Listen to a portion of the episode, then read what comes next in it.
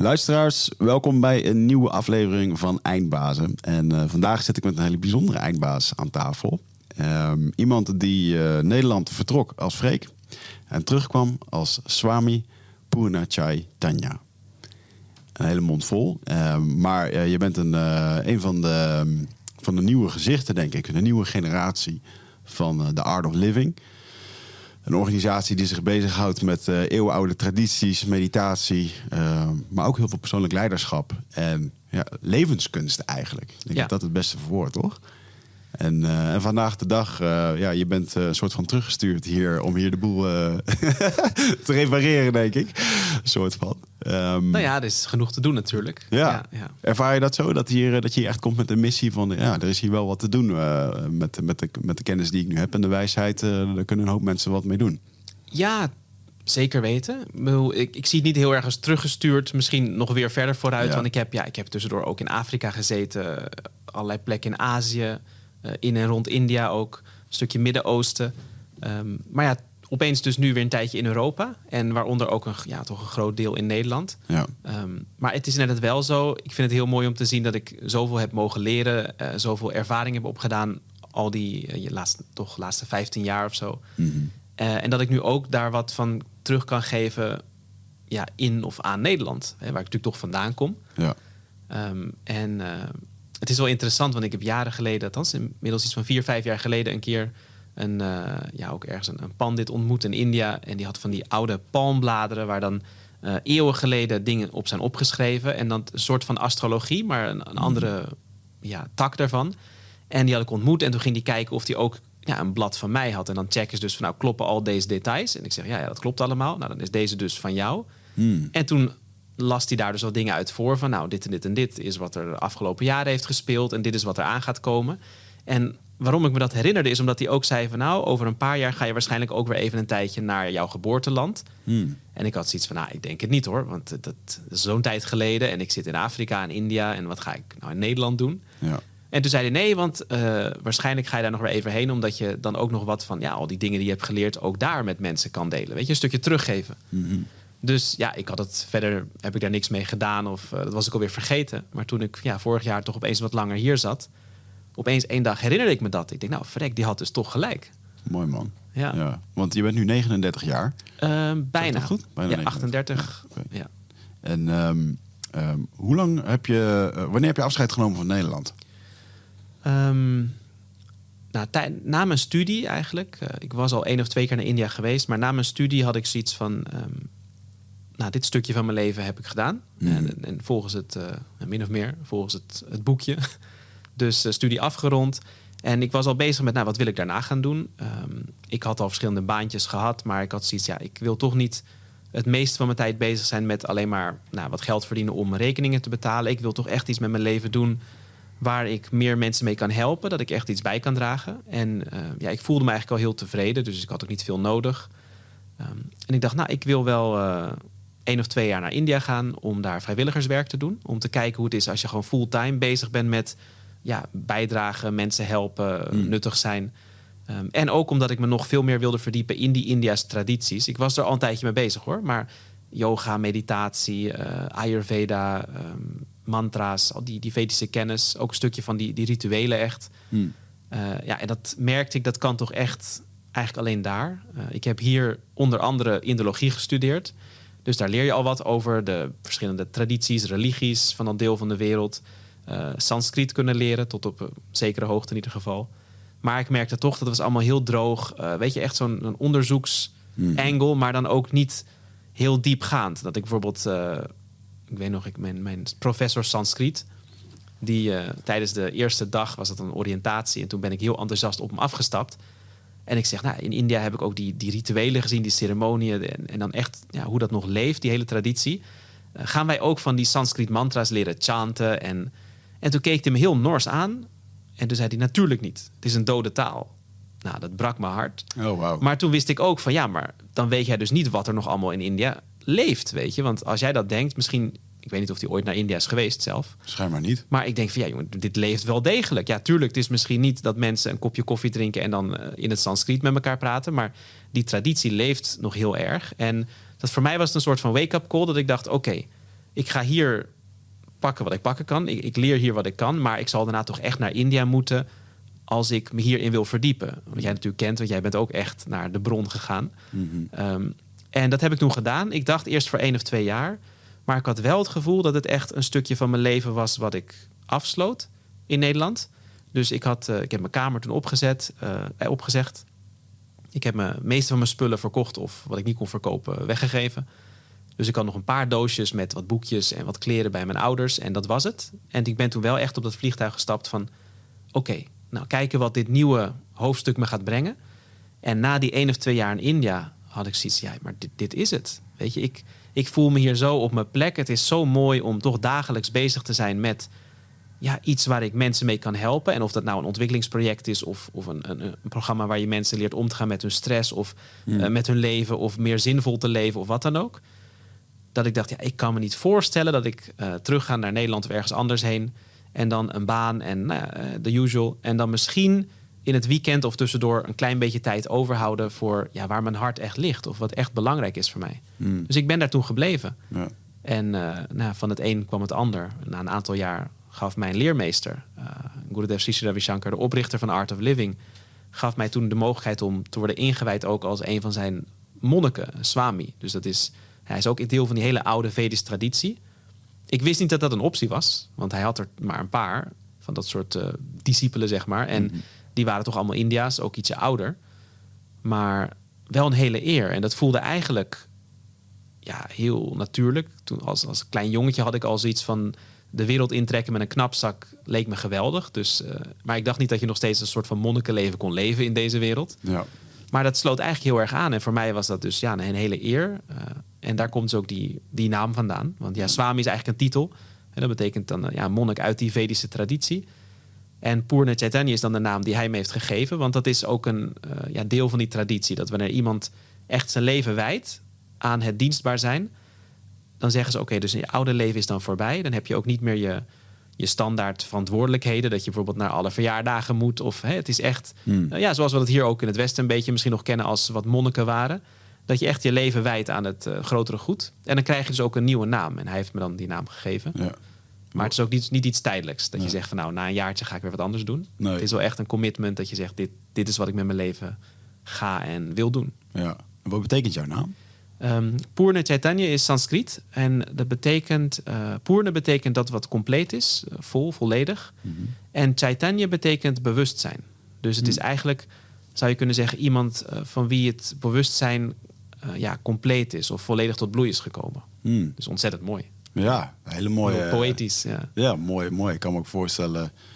ehm, dan moet ik even. Een van de mooiste momenten, ehm, moet ik het even naar mezelf refereren, die ik in de jungle had, eh, was dat ik van het stamhoofd een eh, naam kreeg.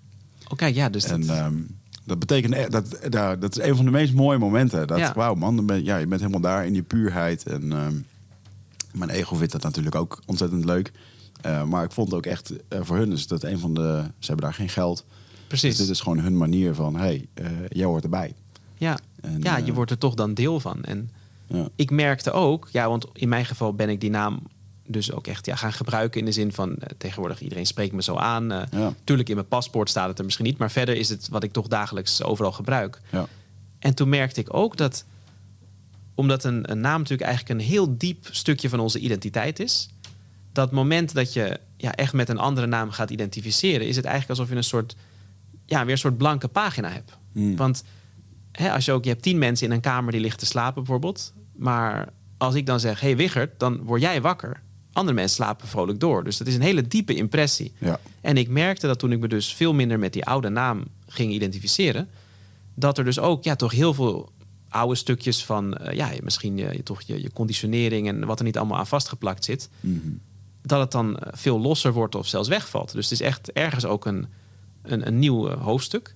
Ehm, dat vond ik wel heel bijzonder om, Ja. dat, om dat te ervaren. Ja, snap ik. Dat begrijp ik goed.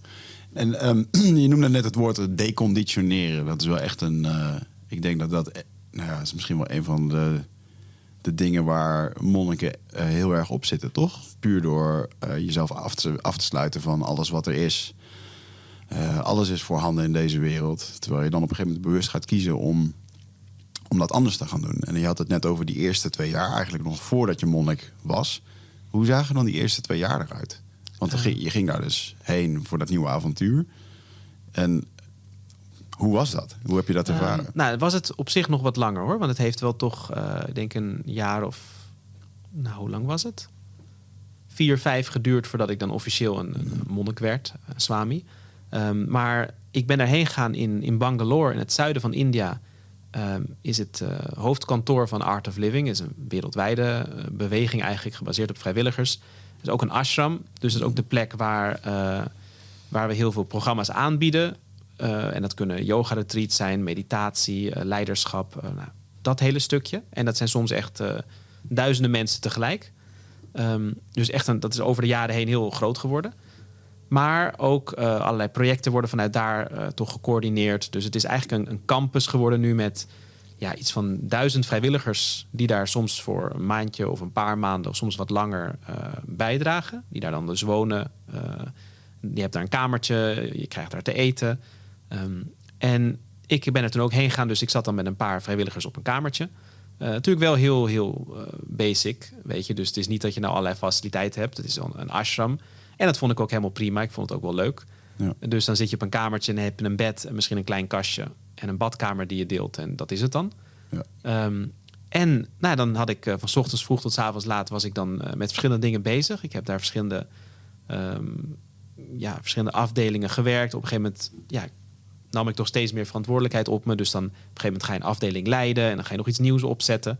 Dus in die zin groeide ik daar ook in. Maar dan tussendoor is toch ook dat stukje van je persoonlijke ontwikkeling en dat, dat spirituele aspect. Dus dan 's ochtends begin de dag wel met wat yoga, meditatie, ademhalingstechnieken.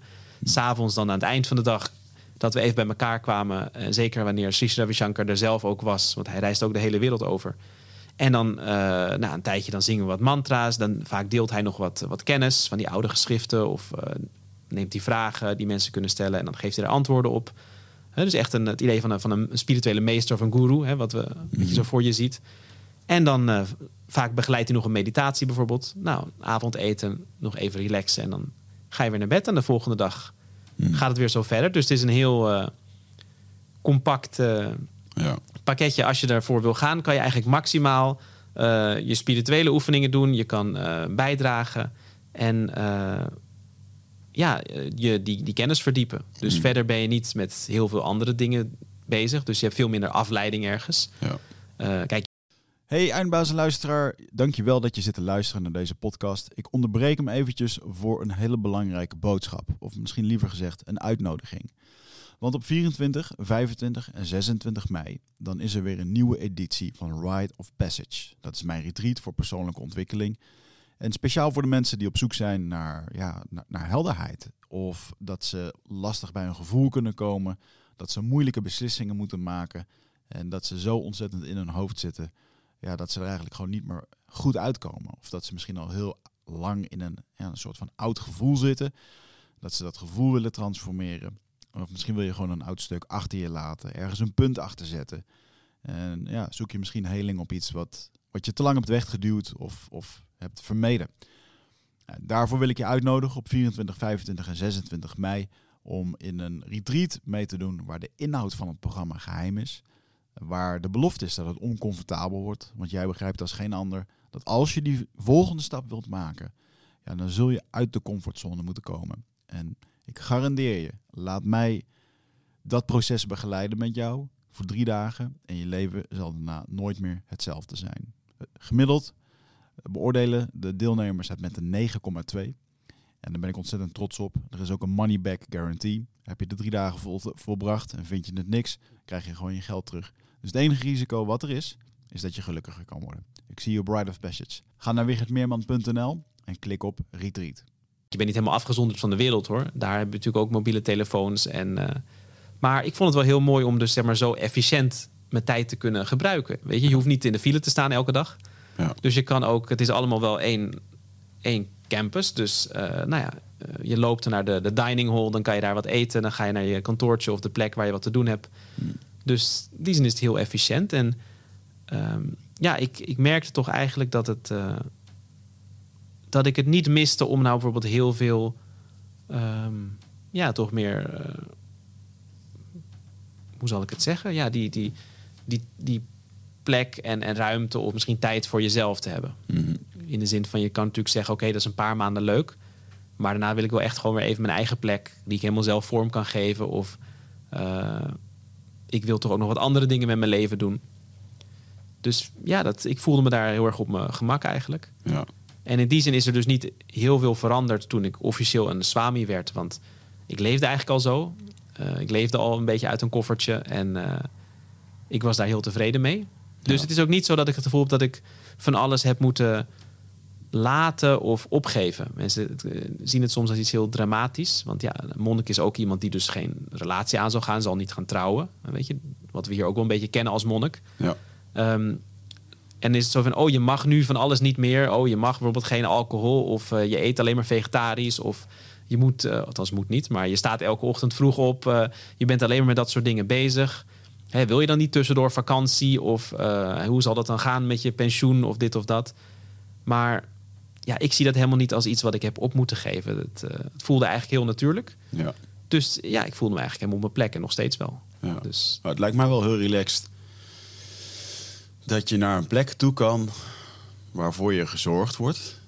Ja, Er wordt voor je gezorgd. Je hebt een plek. ja, ik hoef niet zelf te koken. Eh, je hoeft niet zelf te koken, je hebt eten. Ja. En je kan daar een, een En onderdak? onderdak. Ehm, je hebt natuurlijk wel je verantwoording natuurlijk om gewoon bij Ja. te dragen. Maar ik kan me wel voorstellen dat het voor heel veel mensen een soort... ehm, ja, dat je gewoon kan werken aan je spirituele ontwikkeling. En dat dat gewoon gefaciliteerd wordt voor je. Eh, dat dat lijkt, lijkt mij heel zorgeloos ergens. Ja, hoewel ik toch wel zie dat eh, dat is ook niet altijd even makkelijk of misschien ook even helder voor mensen hoor. Want je, je, je ziet daar toch, er komen allerlei mensen naartoe. En sommigen is het zo van, nou, ik ben het even helemaal zat thuis. Of dan met gedoe op mijn werk of mijn relatie of wat dan ook. Dus even een break. Ja.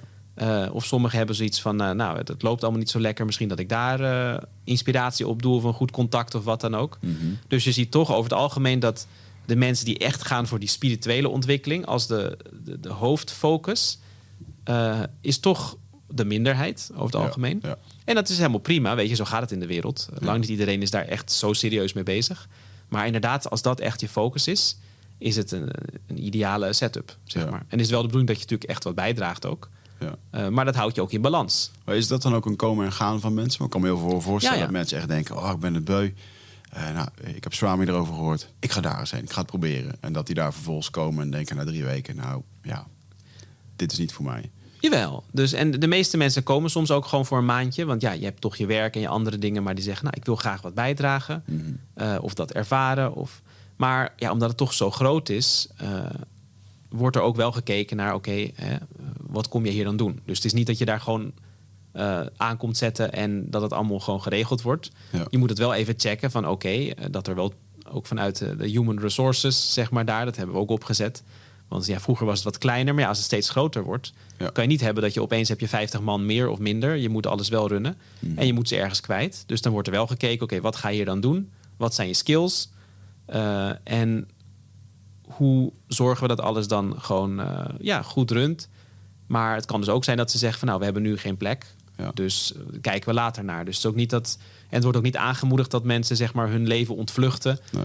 Eh, om dan daar te zitten. Het is wel de bedoeling dat je intentie ook echt iets dat je wat bij wil dragen. Ja. Anders kan je natuurlijk overal wel dienstbaar zijn. Dat hoeft Ja, niet per se daar. Ja. Wat was die bijdrage die eerste vier jaar? Nog voordat je de officiële naam kreeg? Want eh, daar Ehm, was je voornamelijk mee bezig. Nou, ik heb verschillende dingen gedaan. Eh, ik heb dus verschillende ehm, afdelingen daar ook overzien. Dus we hadden bijvoorbeeld iets dat, dat zorgde voor alle bezoekers. Dat je ze dus ook als ze ja, daar aankomen... want er komen duizenden mensen... daar ook gewoon een dagje bijvoorbeeld rondlopen of ervaren... of programma's doen. Hmm. Dus dat je ze dan begeleidt, informatie geeft... ook eh, telefoontjes die binnenkomen, e-mails. Dat heb ik een halfjaartje gedaan.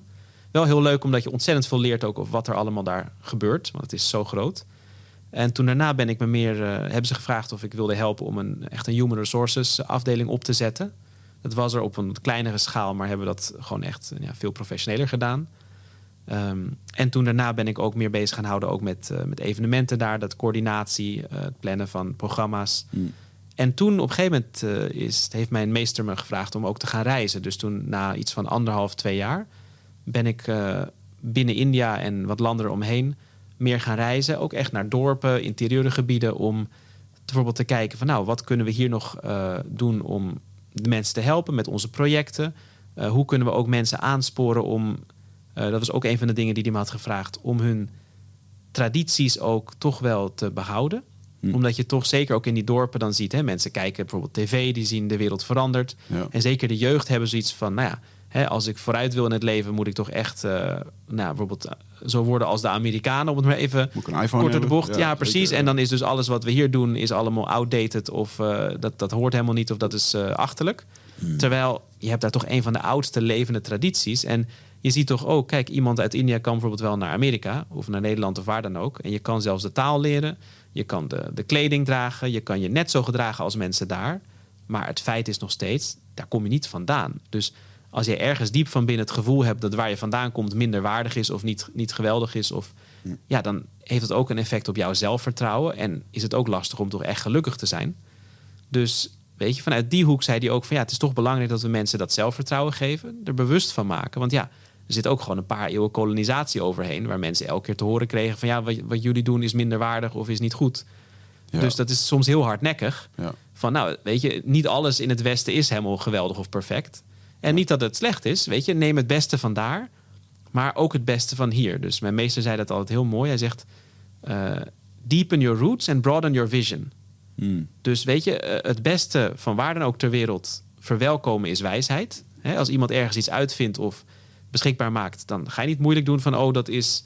Nou, ik noem maar wat, Chinees of Amerikaans of, of Russisch of wat dan ook. Als iemand een mobiele telefoon uitvindt en dat is handig, nou, gebruik het. Maar vergeet ook niet je roots, weet je, waar je vandaan komt. Want dat, dat zorgt ervoor dat jij ook toch ja, dat zelfvertrouwen hebt. En dat heeft ook heel veel te bieden. Mm -hmm. Dus het was wel mooi dat we ook echt dus die dorpen ingingen. En dan bijvoorbeeld men, mensen daar gaan zitten en zeggen... nou, hè, dat ik wat van mijn ervaringen deel. Van hé hey jongens, ik ben helemaal uit het westen gekomen. Ook om meer te leren over nou, yoga, meditatie, ayurveda. Die, die oude kennis van hier. En om te zeggen dat er over de hele wereld zoveel verschillende culturen zijn... en dat dat juist iets moois is. Dat mensen ook van ver komen om dat daar te ervaren. Ja. Dus dat er niks mis mee is, weet je. Hmm. Dus, uh, en dan kijken, nou, wat voor projecten kunnen we hier doen? Bijvoorbeeld voor de, voor de jeugd. Heb je misschien jeugd die hangen daar maar een beetje rond. Die hebben niet zo heel veel opties. Ja. Nou, dan hadden we een Youth Leadership Training Program. Een stukje leiderschap. En dan ook dat we dat koppelen aan van... nou, als jij dus, als die basis erin zit door dat programma... met ook een stukje discipline... een stukje, uh, nou, dus ook leiderschap... maar ook inzicht van persoonlijke ontwikkeling... En dat we dan kijken, nou, we hebben verschillende skill training uh, modules. Wat is hier relevant? Van, nou, Hmm. misschien kunnen we een aantal opleiden tot nou, iemand die elektricien wordt of een, een beauty center start of uh, uh, mobile repair of iets. Dat ze gewoon iets kunnen verdienen in plaats van alleen maar rond te hangen. Ja. En tegelijkertijd ze toch inspireren ook om wat te doen voor de community daar. Dat we zeggen, hé hey jongens, weet je, jullie hebben de energie, je hebt de vrije tijd. Dat ownership van, nou weet je, dit is jouw dorp bijvoorbeeld hoe wil jij het zien? Hoe zie jij het in de toekomst? Wil, wat wil jij eraan verbeteren? En als dat dan, wanneer je mensen toch echt kan inspireren, hebben we hele mooie uh, verhalen gezien. Dat, dat mensen ook op een gegeven moment echt ook als een dorp bijvoorbeeld bij elkaar komen en zeggen: Nou, als de overheid die, die weg niet repareert, gaan we het zelf doen. Want ja, zij rijden er elke dag overheen. En als ze zien dat dat lukt, wauw, dit hebben wij gedaan. Ja. Nou, weet je wat, we gaan nog wat bomen planten of we gaan wat van het afval opruimen of uh, en of soms ook uh, dat mensen dus inderdaad uit uh, verslavingen komen, of het nou alcohol is of iets anders. Ja. En gewoon constructief aan de slag gaan. En dan zie je dat gewoon ja, de hele toekomst van die mensen verandert. Ja, dat is mooi.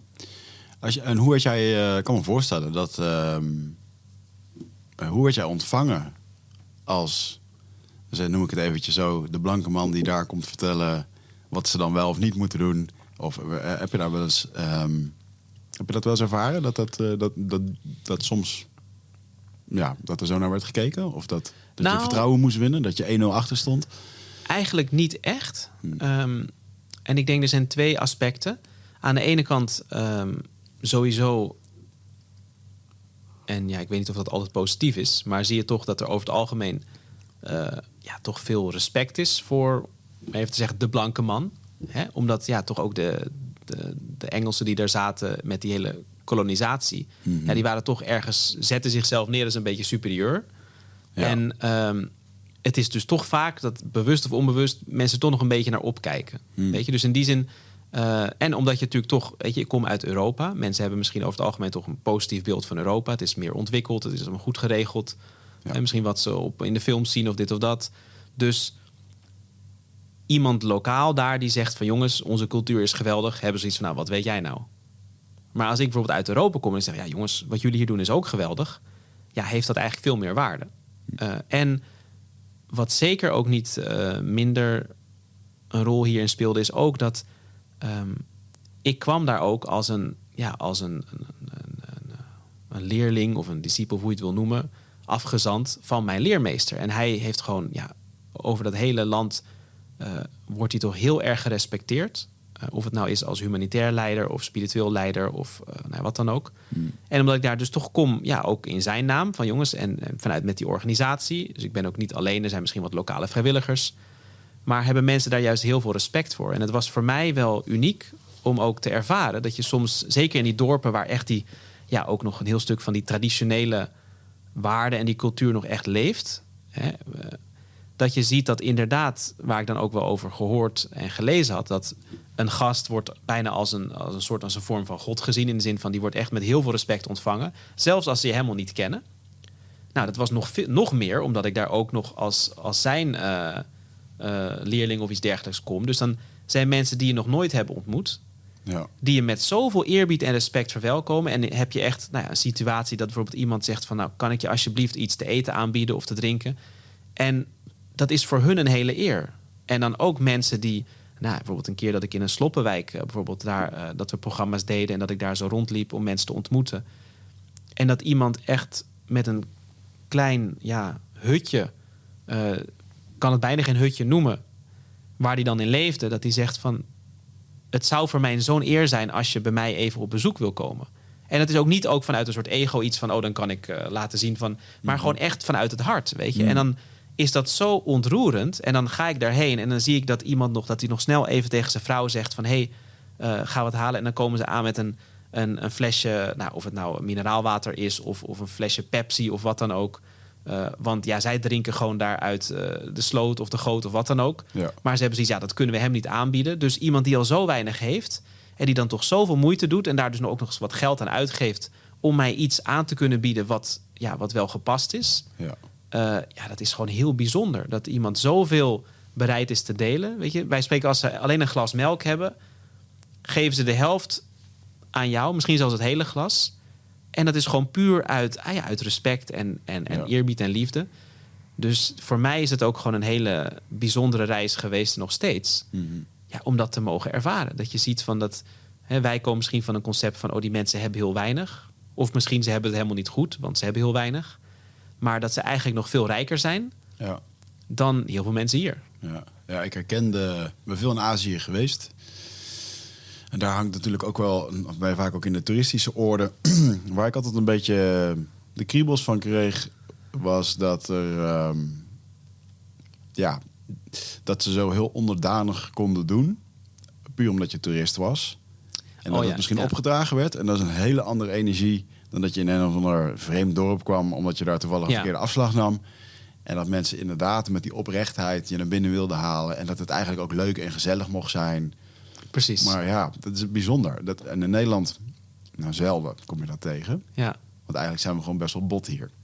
Ja, dat is een andere cultuur, maar inderdaad hè, ook de waarde. En ik denk toch ook, ja, uh, zeker de laatste misschien decennia of zo, hmm. weet je, worden toch veel individualistischer. En dat zie je ook wel daar hoor, helaas. In de zin van, nou, ik weet niet of we helaas moeten zeggen, het is wat het is. Maar hmm. in de grote steden bijvoorbeeld is het al veel minder. Heb je al soms zo dat mensen niet eens hun buren heel goed kennen.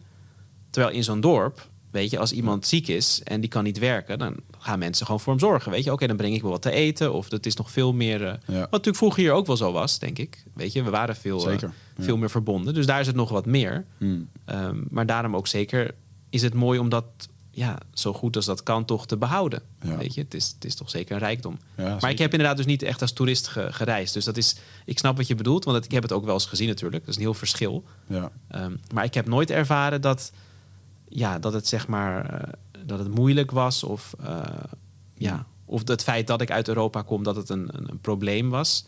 Meer dat, uh, ja, dat mensen ook er toch veel respect voor hadden. En ik heb ook wel de lokale taal geleerd, dat heb ik opgepikt. ik heb ook toch ja, veel van die cultuur opgepikt. Dus in die zin weet ik ook wel heel goed misschien wat er gepast is, wat niet is. Ja. maar dan zie je dat mensen daar ook heel veel respect voor hebben. Van oh, dat je de moeite hebt genomen om om onze culturen en gebruiken en alles zo te leren. Ja, Uh, dat ze van, nou, weet je, dat, dat, dat, eh, moeten we ons bijna schamen dat wij daar nooit zoveel moeite voor hebben gedaan. Ja. Dus, ja, mooi. dus, mooi, mooi. Maar ik voel me heel bevoorrecht dat ik dat, dat zo mag ervaren. Ja. Ja, ik kan me voorstellen.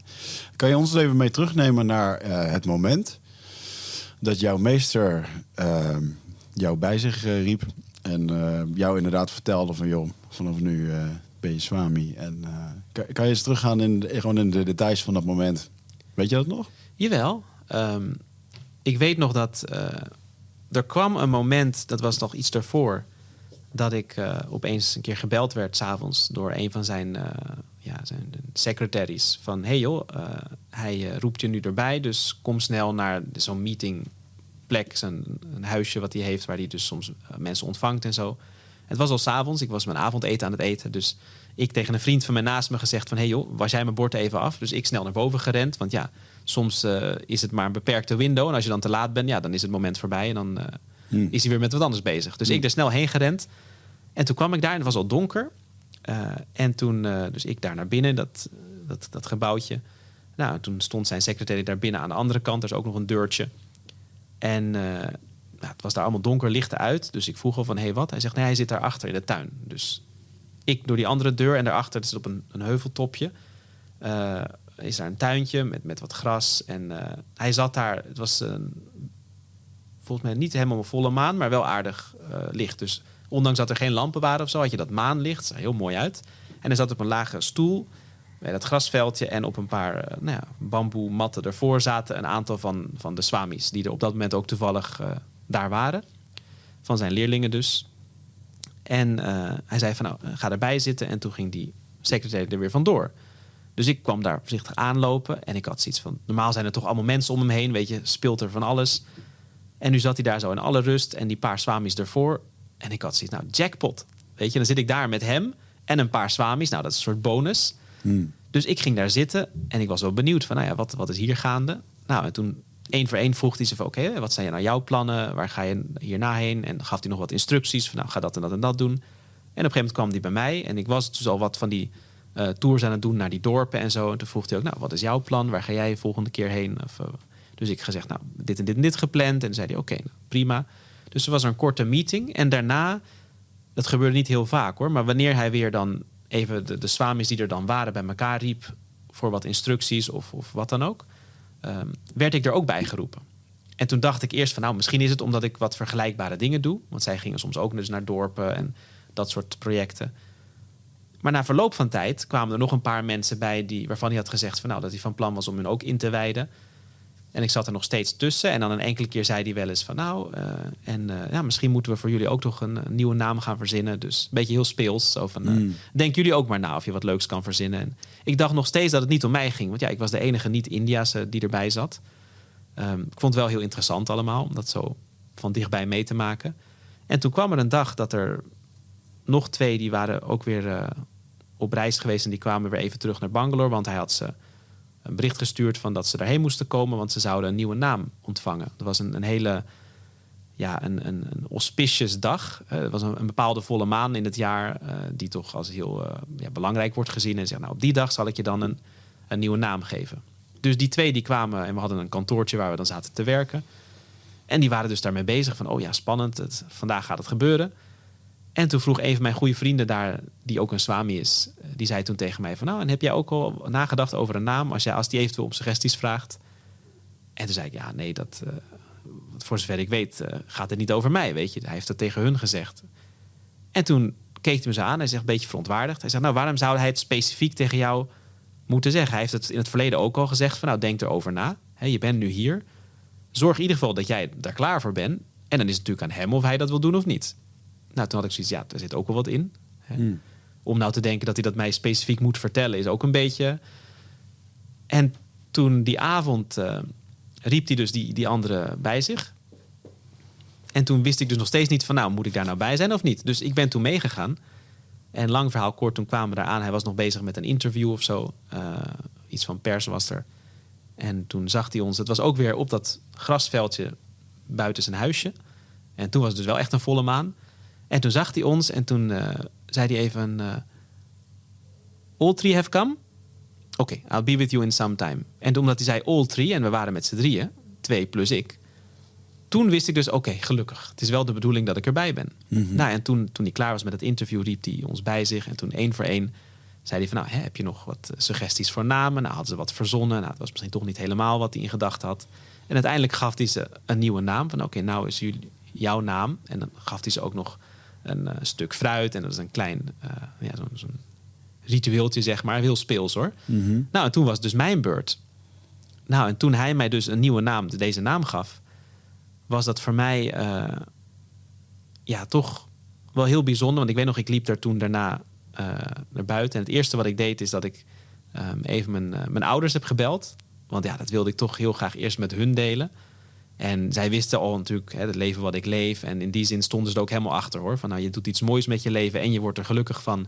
En je helpt mensen. Nou, wat, kan- wat kan een moeder zich nog meer wensen bij spreken? En eh, in die zin vonden ze het gewoon ontzettend mooi. En alleen wa- waren ze heel trots. Maar voor mij was het zoiets van, omdat ik eigenlijk leefde ik al zo. Maar dit was een soort van bevestiging van oké, dit is inderdaad ja, het pad dat het, dat het gaat worden. Dus, eh, want het had toch alle kanten op kunnen gaan. Als hij opeens zei van nou weet je wat, het is nu beter voor jou om terug naar Europa te gaan. Of zelfs om, ik noem maar wat, een, een baan te nemen of te gaan trouwen of wat dan ook. Ja, dan, dan is dat het natuurlijk. Maar nu was het zo van oké, dus hij heeft ook met zijn eh, nou ja, intuïtie en wijsheid en ervaring zoiets van nou, dit is voor jou een geschikt pad. En ook dat ik dat dus ja, toch kan en, en dat, dat dat bij mij past. Want ja, ik was op zich nog heel jong. Ik was iets van 6, 27. Dus dat is natuurlijk ook ergens wel een risico. Want ja, als je na vijf jaar zoiets hebt van of, of minder, nou, ik wil toch eh, Ja. iets anders gaan doen. Of ik wil toch een relatie of wat dan ook. Ja, het is, het is niet de bedoeling. Kan natuurlijk wel. Maar ja, dan ga je ergens toch tegen die traditie in. Ja.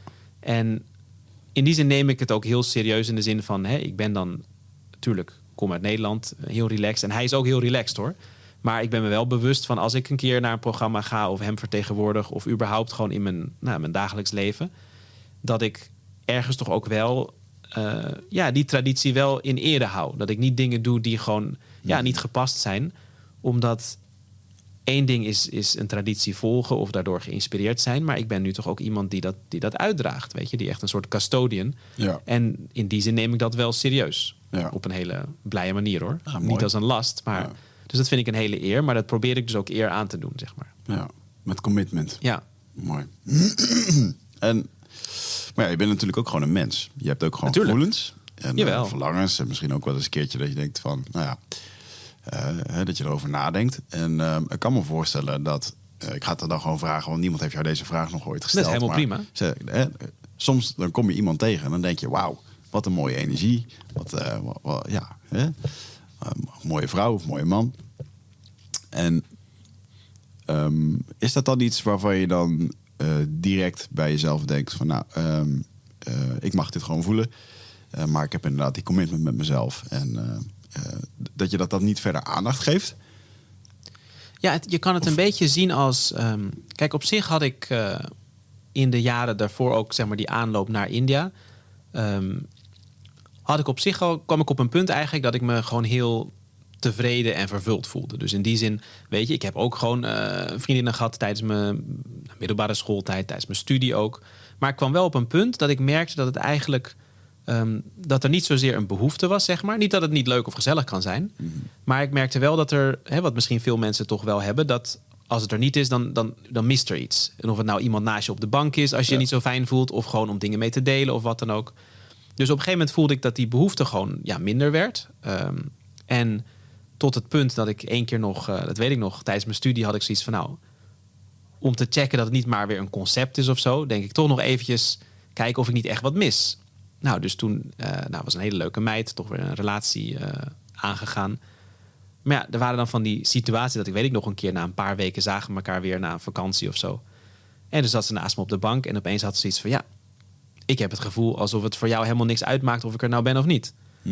En toen dacht ik bij mezelf, ik denk, ja, dat klopt eigenlijk wel. En het is natuurlijk niet zo netjes, maar ja, wel heel eerlijk.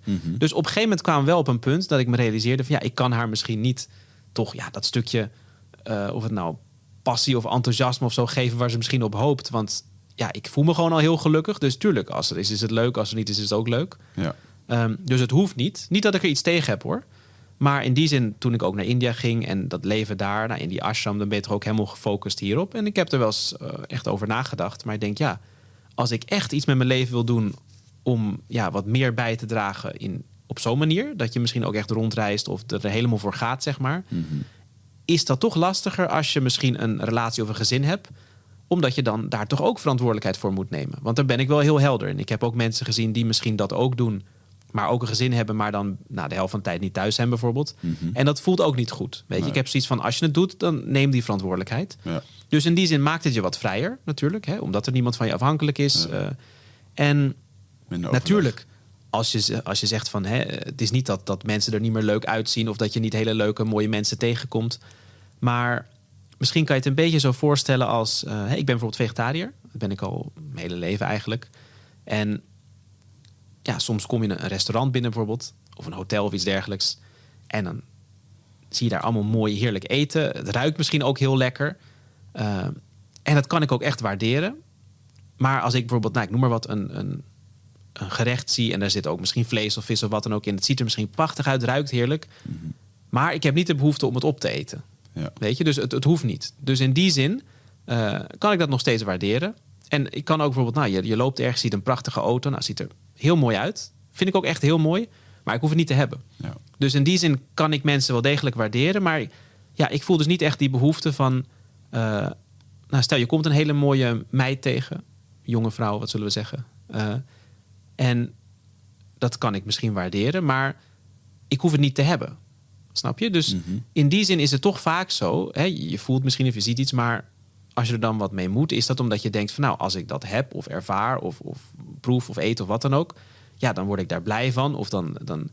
Maar het moment dat je steeds meer bewust ervaart dat die, die echt die blijvende blijdschap of vreugde of vervulling van binnen zit, en je leert hoe je daar steeds makkelijker bij kan, heb je eigenlijk heel weinig nodig om je dus vredig, gelukkig, uh, vrij te voelen. En is dus eigenlijk alles bonus. Dus Ja. in die zin, ik heb echt in die junglegebieden ook uh, gereisd, geleefd. En heb je misschien heel weinig. Heb ik echt niet uh, geweldig eten. Ja, misschien drie keer per dag gekookte lokale rijst met wat ja, een soort uh, bladeren. Het is wel een soort groente hoor, maar iets spinazie-achtigs. Of, Mhm. Want ja, ze eten daar ook gewoon allerlei soorten vlees. Wat je allemaal kan jagen in de jungle. Maar ik dan dus niet als vegetariër. Ja. Dus dan eet je dat drie keer per dag. Nou, helemaal niet interessant. Maar voor mij was het heel fascinerend om te zien van ja, maar ik ben hier ook nog steeds gelukkig. Dus je geluk hangt daar niet meer van af. Mhm. En natuurlijk, als ik een keer in een vijfsterrenhotel slaap en het is allemaal heel mooi en prachtig, vind ik dat ook heel leuk. Kan ik ook van genieten. Maar als ik in een hutje slaap op de grond, ben ik ook nog gelukkig. Dus Ja. het maakt je eigenlijk heel vrij. En in die zin uh, ja, zie ik het ook niet als iets waar ik, uh, nou, dat ik bijvoorbeeld in moet houden of dat ik iets, iets op moet geven als een soort van offer, zeg maar. Mhm. Of uh, um, het is voor mij meer, ja, toch een, een stukje van. ik voel me eigenlijk heel tevreden. Natuurlijk heb ik dan bepaalde keuzes gemaakt. Van, um, hè, nou, ik noem maar wat bijvoorbeeld. Ik, ik, ik eet alleen vegetarisch of ik, ik ga geen relatie aan. Maar dat is dus helemaal niet moeilijk, omdat uh, ja, die behoefte er dus ook niet echt is. Ja. Ik kan me wel voorstellen dat um, er veel mensen naar de Art of Living komen omdat ze problemen ervaren in hun liefdesleven. Um, en wat is dan het advies uh, dat je dan geeft? Want hè, jullie ervaren dan eigenlijk zelf niet die liefdesrelaties en dat soort dingen. Ben ik wel heel erg benieuwd. Gaat het dan toch altijd terug naar de persoon zelf? Want het gaat er natuurlijk over hij of zij dat uh, zelf ervaart. Maar ik kan me voorstellen dat er heel veel mensen. Um, ja, het is, het is natuurlijk gewoon het. Een, een deel van het deel van het leven, ja, ja, ja zeker. Ja. Wel degelijk. Ja. degelijk. dus hoe, hoe, kijken jullie op uh, de liefde en relaties? Nou, kijk, sowieso uh, binnen Art of Living, als we bijvoorbeeld kijken naar die organisatie, die dus die cursussen aanbiedt en zo, mm. dan hebben we gewoon heel veel trainers over de hele wereld, echt tienduizenden. Uh, en dat zijn geen swamis. Ah, dat zijn gewoon mensen als jij of, of iemand anders die gewoon een, een baan hebben, uh, waarschijnlijk een relatie of een gezin, of weet je, dat zijn zeg maar gewone mensen. Ja. Uh, die swamis, dat zijn er echt maar een paar. Mm. En in die zin is dat dus, ja, ik ben ook deel van die organisatie, dat ik ook een heel aantal van die trainingen geef en daar ook gewoon een rol heb in de, de organisatie. Maar dat stukje swami is daar zeg maar niet voor nodig. Het is meer dat dat een stukje een persoonlijk pad is. Mm. En ook toch een aspect van mijn leermeester, die behalve een, een humanitair leider en wat hij allemaal niet is, ook toch voor heel veel mensen een spiritueel of religieus leider is. Dus in die zin kunnen wij hem ook in dat stukje vertegenwoordigen. Ja. Of dat nou een, een ceremonie eh, begeleiden is of spreken op een congres eh, in zijn naam of wat dan ook. En dat kan ook soms met religieuze leiders zijn of wat dan ook. Ehm, maar natuurlijk krijg ik heel veel van dit soort vragen. Eh, want het is een belangrijk aspect van het leven en mensen kunnen daar ook echt mee worstelen. En ik eh, kan ze daar vaak toch wel mee helpen, omdat, kijk, als je gewoon ziet hoe het leven werkt en steeds beter gaat begrijpen, ook nou, hoe onze geest werkt, hoe onze emoties werken, hoe ons bewustzijn werkt, ehm, dan kan je mensen wel degelijk eh, daarin begeleiden. Dat je zegt van oké, want waar loop je tegenaan? In een relatie zijn bepaalde dingen ja, die het lastig kunnen maken of waar je tegenaan loopt. Dat heeft op zich niet te maken met ehm, ja, of je daar nou per se ervaring mee heeft. Kijk, als het iets heel technisch is, dan is het misschien een ander verhaal. Maar Stel, nu dat jouw ehm, ex-vriendin eh, in een nieuwe vorm bij jou komt en zegt: "Joh, ik heb een eh, vriend. Ja. Die is gewoon best wel gelukkig met zichzelf. Ik heb Ja. gewoon het idee ja, dat het niet zoveel uitmaakt of ik erbij ben. ja, Wat, wat zou je die dan nu, eh, wat zou je haar voor advies geven? Nou ja, kijk, sowieso mensen moeten natuurlijk zelf kiezen. Maar ik Mhm. zeg, kijk, dan is het de vraag: oké, waarom, eh, waarom wil jij een relatie? Als jij zoiets hebt van: ik voel me al gelukkig, ook op mezelf. Nou, dat is sowieso geweldig. Ja. Nou, en dan, maar dan kan je nog steeds natuurlijk een relatie aangaan. Dat is aan jou of jij dat wil. Als jij zegt van nou, maar ik wil heel graag met iemand mijn pad delen. Of ik wil iemand daar ook in ondersteunen. Of samen iets moois doen. Of eh, weet je, daar is helemaal niks mis mee. Mhm. Dus het is ook helemaal niet dat ik tegen relaties ben. Nee, dat is heel natuurlijk. Je moet het vooral doen. Ehm, en het mooie is dat hoe, ja, eigenlijk hoe, hoe vervulder of onthechter je wordt, denken mensen wel eens van, oh, weet je, bijvoorbeeld als ik heel veel ga mediteren, dan kan ik niet echt meer presteren op mijn werk of in de samenleving of in mijn relatie. Want dan denken ze van, dan word je een soort heel apathisch, van dan hoef je niks meer en dan doe je dus niks meer. Ja. Maar ja, als je ook kijkt naar mijn leermeester, hij is de meest onthechte persoon die ik heb ontmoet. En hij is 24 uur per dag echt gewoon bezig. Althans, hij slaapt een paar uur, maar echt letterlijk maar een paar uur. Maar de rest van de tijd is hij de hele tijd bezig met mensen helpen over de hele wereld met van alles en nog wat. En of dat nou projecten zijn of persoonlijke interacties. Of... En dan denk je van ja, maar dat is toch helemaal niet te doen. En hij wordt niet gestrest, hij wordt niet boos of, of geïrriteerd. Of... En dat kan juist omdat hij dus helemaal niks hoeft. Hij hoeft helemaal niks voor zichzelf en daardoor kan hij zich helemaal aan anderen geven. En het mooie is, het moment dat jij je helemaal vervuld voelt, omdat je niet echt iets voor jezelf hoeft, ga je vanzelf, dat is natuurlijk, ga je denken, oké, wat kan ik dan voor een ander doen? Als je ziet dat iemand het moeilijk heeft, ja, dat gaat vanzelf, weet je. Ja. En ik zie bijvoorbeeld ook, ik heb dan misschien niet een persoonlijke relatie, maar het moment dat jij eigenlijk niks meer hoeft om jezelf eh, compleet te voelen, kan je veel meer geven aan je relaties. En dat kunnen ook vriendschappen zijn, omdat je echt kan zeggen: ja, ik ben er voor jou. Weet je, Ja. wat heb jij nodig? Hmm. Want heel veel mensen zitten toch ook in een relatie omdat ze zeggen: ja, want ik wil ook wel iemand die af en toe zegt van ik ben mooi of lief. Of Ja. en soms als, dat, als die druk oploopt, kan dat ook echt iets zijn waar juist je relatie dan eh, in de knel komt. Want je kan nog zoveel van iemand houden. En dat kan een, een, een eh, liefdesrelatie zijn of een vriendschap. Of, maar als iemand elke keer weer zegt van nee, maar je moet laten zien hoeveel je van me houdt. Of je moet dit doen of dat doen. Als die druk erop komt, als het wordt afgedwongen eigenlijk. Zal je zien dat dat toch steeds minder wordt. En op een gegeven moment ook gewoon ja, toch afsterft. Want zo werkt, zo werkt liefde. Liefde is, is geven en is, eh, is niet nemen. En op het moment dat iemand elke keer dat, ja, toch dat demand zeg maar, echt van jou vraagt... Of, zal je zien dat dat minder wordt. Hmm. En is het heel lastig om dat nog echt ja, bloeiend te houden. Ja. En ik zie dus ook eh, in mijn persoonlijke relaties, maar ook hè, mensen die daar dus bijvoorbeeld in begeleid, of eh, soms van die inzichten deel, dat moment dat jij veel minder of bijna niks van die ander hoeft voor jezelf, dan kan een relatie echt opbloeien. En als dat van twee kanten komt, is het nog mooier. Want dan kan je gewoon echt er voor elkaar zijn, zonder dat er dus iets van ja, druk op zit. Of, eh, Hmm. en dat is ook met, met bijvoorbeeld je werk. Op het moment dat jij eigenlijk niks meer hoeft, ben je veel efficiënter. En mensen zeggen, hoe ga je dan presteren? Maar als je kijkt, je presteert veel beter als jij rustig en kalm en tevreden bent, dan wanneer je gestrest bent. Ja. En dan zeggen mensen soms van ja, maar ik heb wel een beetje stress nodig om, om echt wat extra te doen. Maar dat, is, ja. maar dat is alleen als je niet echt geïnspireerd bent. Hmm. Weet je, want ja, eh, greed, fear en love zijn de sterkste motivators. En is natuurlijk Hè, eh, nou ja, mensen willen wat. Hè, dus greed is, is, kan heel effectief, efficiënt zijn. Dan zeg je, nou, krijg jij een promotie of krijg je een bonus of dit of dat. Of, nou ja, hè, angst. Als je dit niet doet, nou, dan krijg je geen promotie of word je ontslagen of loop je dat mis. Of... En, maar die eerste twee is misschien wat makkelijker voor een manager of een baas. Want iemand inspireren dat hij er echt van houdt, van het bedrijf of van de visie, of ja, dat, dat is wat moeilijker.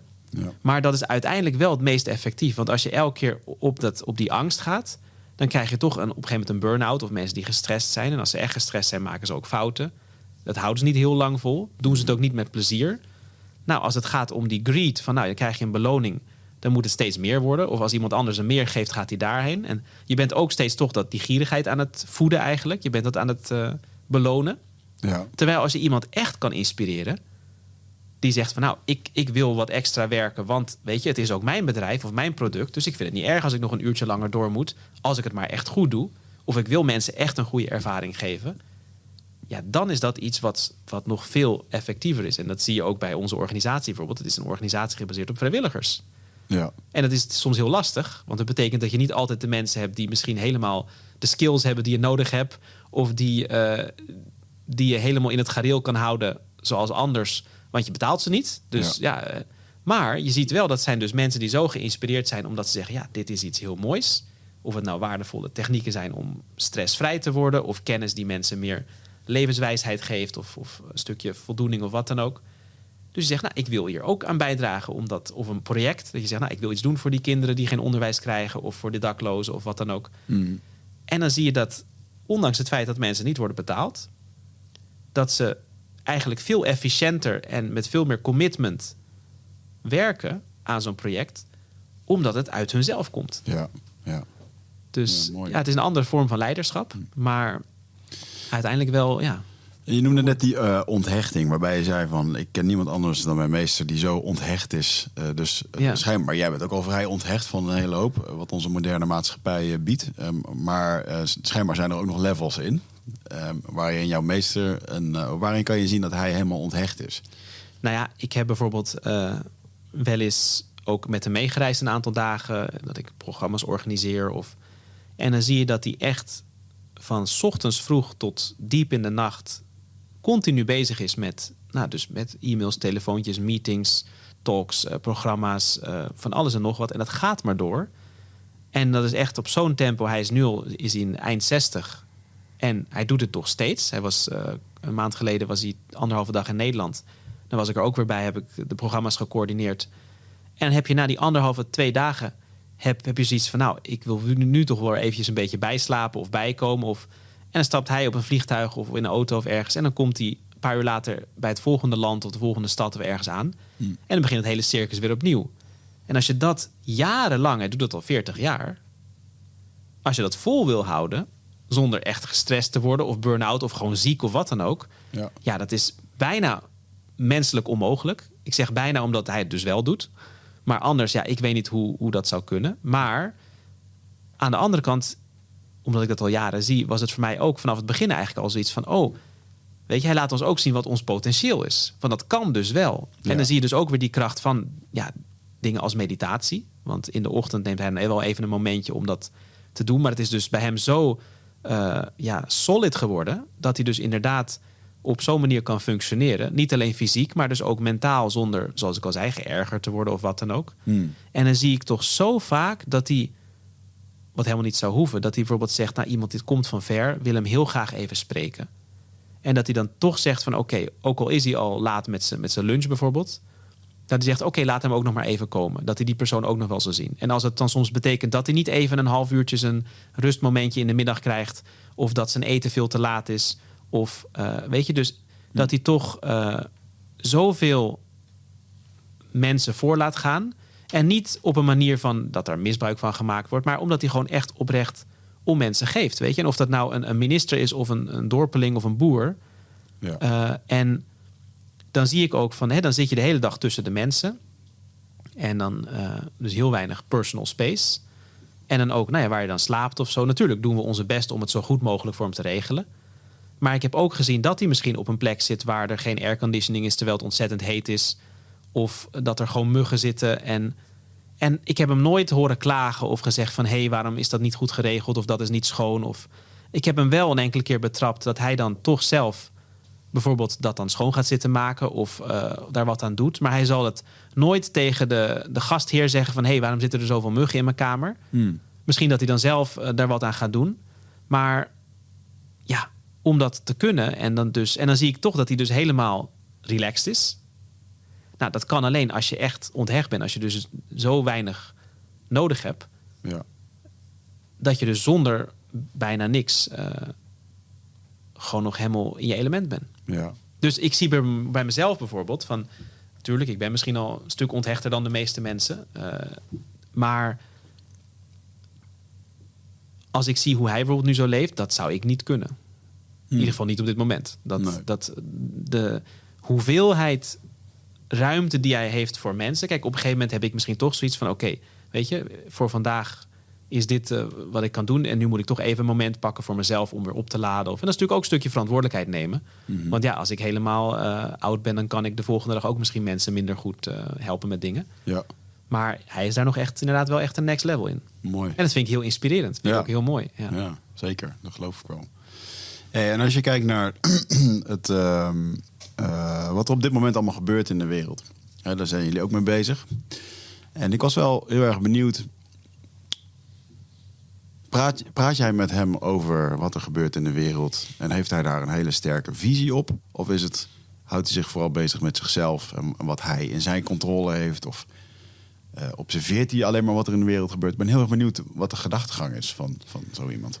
Nou ja, ik zal dat niet helemaal kunnen Mhm. zeggen. Want ja, ik vraag me ook wel eens af hoe hij nou precies denkt. Dat, ik weet niet hoe zijn bewustzijn werkt. Ik heb wel gezien dat hij dat het allerlei dingen doet die, die ik misschien niet kan. In de zin van dat hij gewoon eh, ja, bijvoorbeeld opeens zoiets heeft van... oh, bel die persoon. En dan blijkt dat hij net eh, ergens in nood zat en, en hulp nodig had. Of dat hij eh, vraagt van, hey, check even hoe het met die is.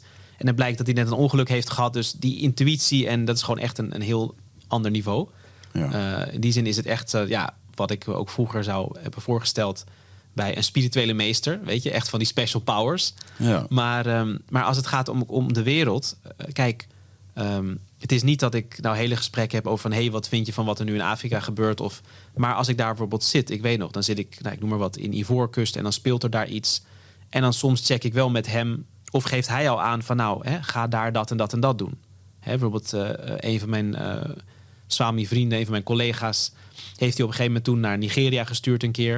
En hij zegt van ja, daar aan de grens zijn er problemen met een of andere ja, terroristenorganisatie die van alles aan het doen was daar met dorpen. Nou, door een soort van militanten.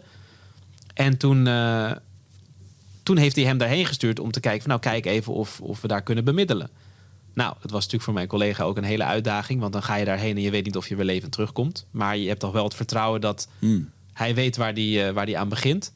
Dus dan ga je, daar, ga je daar zo in. Maar dat is dus heel praktisch. En dat heb ik zelf ook meegemaakt. Dat toen ik in het noordoosten van India zat, een beetje de grens met China, hebben we daar ook gewerkt met van die militante groepen. En gekeken, kunnen we ze weer toch de, de mainstream society inkrijgen dat ze hun wapens neerleggen. En, hè, niet, en dan is hij dus daarin ook heel begripvol, eigenlijk, dat hij ook niet oordeelt. Hij zegt: kijk, die mensen vechten voor een, een, doel, een reden. Die hebben misschien eh, bepaalde dingen zijn ze ontzegd. Of ze hebben het heel moeilijk. En ze hebben het gevoel dat de overheid dus niet om hun geeft of daar iets aan doet.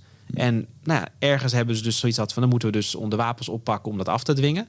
Maar ja, dat is niet de juiste manier. Dan gaat het ook nooit lukken.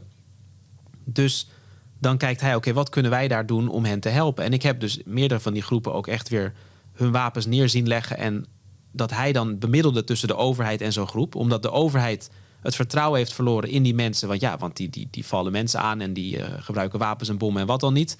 En die mensen hebben het vertrouwen in de overheid verloren, want dat was er ook al niet meer. Ja. Maar ze hebben wel allebei vertrouwen in hem. Dus ze zeggen: Oké, als jij ervoor gaat staan, dan weet ik dat het serieus is. En zij weten: als jij ervoor staat, zal de overheid ons ook niks aandoen. Dus dan creëer je eigenlijk een platform dat ze toch om de tafel gaan zitten. En bemiddelt hij daarin.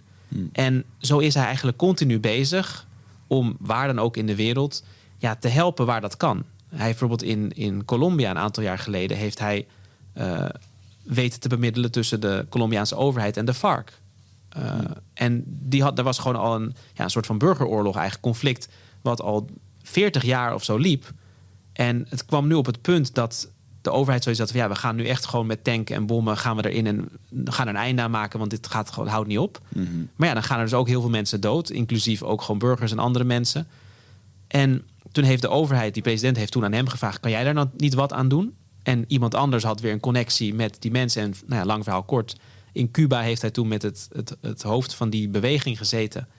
En hij heeft ze weten te overtuigen dat eh, ahimsa, non-violence, eigenlijk de manier is om toch dat doel te bereiken. Hij zegt: Als jullie bereid zijn je wapens neer te leggen. en dit op een vredelievende manier, dit proces in te gaan.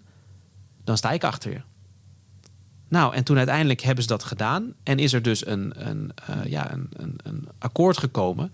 En heeft er dus, is een, een einde gekomen aan zo'n conflict. wat al, ja, waar honderdduizenden mensen misschien hun levens hebben verloren. wat al, al decennia liep. Ja. En natuurlijk zijn er nog meer conflicten in de wereld. Niet dat hij zomaar even alles oplost. Maar dan zie je wel dat hij gewoon elke keer weer bezig is. Van nou, weet je, wat, wat kunnen we doen? En dat is in, op allerlei gebieden. Als er bijvoorbeeld politiek, nou noem wat in India. Hè, zeggen mensen soms wel eens van nou, als religieus en spiritueel leider of humanitair leider.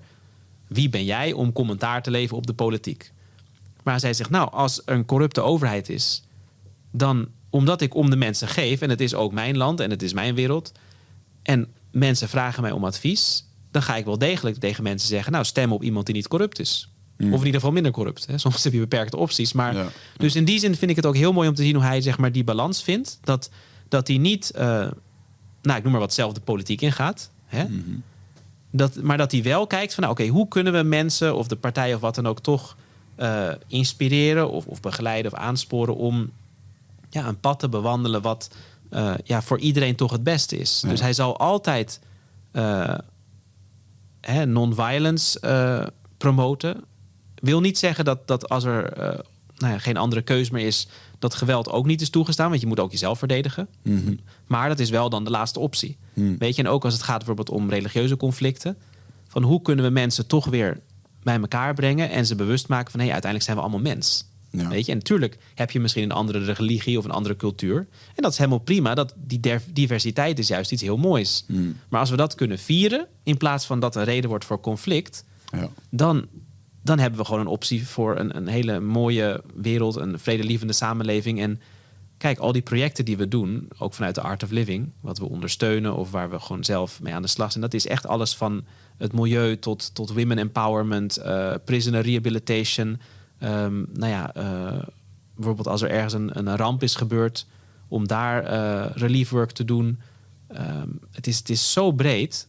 En dus ook bijvoorbeeld kijken naar in India. Hoe kunnen we de, die indigenous seeds, echt die, die, die lokale gewassen en zo ook beschermen. Dat het niet door eh, nou, grote bedrijven eh, alles wordt opgekocht, verbrand. En dat je alleen maar van die genetisch gemodificeerde zaden hebt bijvoorbeeld. Ja. Weet je, dus ook daar van die seed banks, hoe kunnen we die, die boeren helpen? Dat ze dus niet in een situatie komen waar ze zelfmoord plegen omdat ze geen geld meer hebben. Want dat zat allemaal in die gewassen. Maar ja, die zijn genetisch gemodificeerd. Dus als dat een keer mislukt, hè, daarna kan je die zaden niet opnieuw gebruiken. Dus dan moet je weer nieuwe kopen. Dus het zijn allemaal van die dingen waar we zeggen, nou, waar kunnen we iets bijdragen? Ehm, en daar is hij dus ook wel steeds mee bezig. Als hij zegt van nou, er is ergens een conflict, kunnen we daar bemiddelen?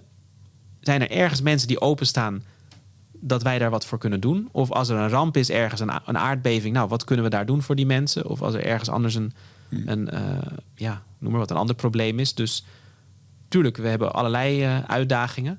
Maar bijvoorbeeld juist ook in een wereld nu waar we zien dat er toch heel veel spanning is, heel veel eh, onzekerheid, misschien ook angst, ook een heel stukje, ja, toch woede ook, zeker. En zeker na die pandemie, sommige mensen zijn een stuk wanhopiger of gefrustreerder. Of dat, ehm, dat hij toch overal bezig is om mensen toch weer die ook de, de middelen aan te reiken. Van nou, hoe ga je om met die emoties? En ook hoe staan we toch verantwoordelijker ja, in, in de wereld als mens? Ehm, en bijvoorbeeld nu, later dit jaar, eh, gaat dit keer in Washington in Amerika een groot evenement plaatsvinden, World Culture Festival. Dat hebben we al eerder gedaan. Eén keer in, eh, in Bangalore in 2006. In 2011 in Duitsland, in Berlijn in het grote stadium... waar ook Hitler ooit heeft gesproken. Eh, 2016 in Delhi in India.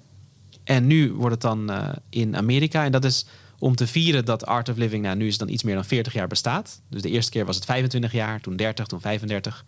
Maar dat is een, een World Culture Festival waar we eigenlijk mensen van over de hele wereld bij elkaar brengen. eh, om die verschillende tradities, culturen, ja, toch echt te vieren. En dat is ook Mm. echt met, met, met eh, hoe zegt het, Eh, staatshoofden, politieke, religieuze leiders, mensen uit het zakenleven, maar ook gewoon de gewone mensen.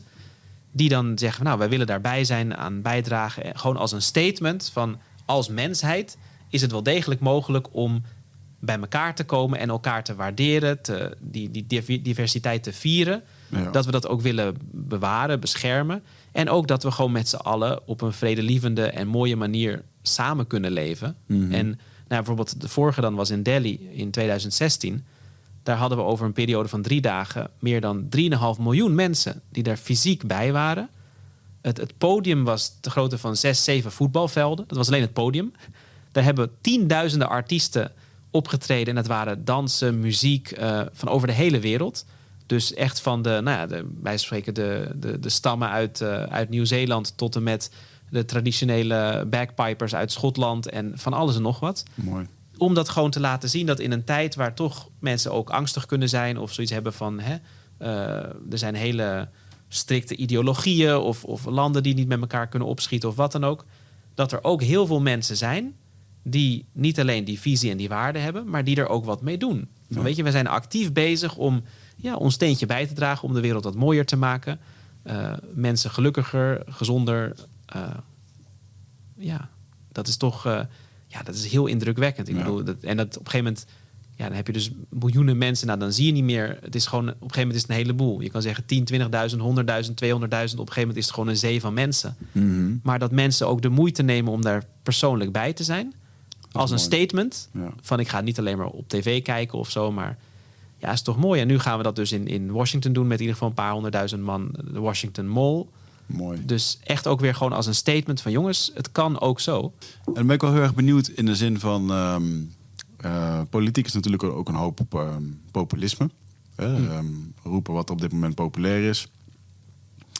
En eh, je noemde het net al, hè, het vieren van de diversiteit en dat het allemaal mag zijn. Ik denk dat dat allemaal ons eh, ontzettend uniek maakt. Maar er is nu ook bijvoorbeeld weer een hele trend ehm, waarin vindt dat we alles gelijk eh, moeten trekken.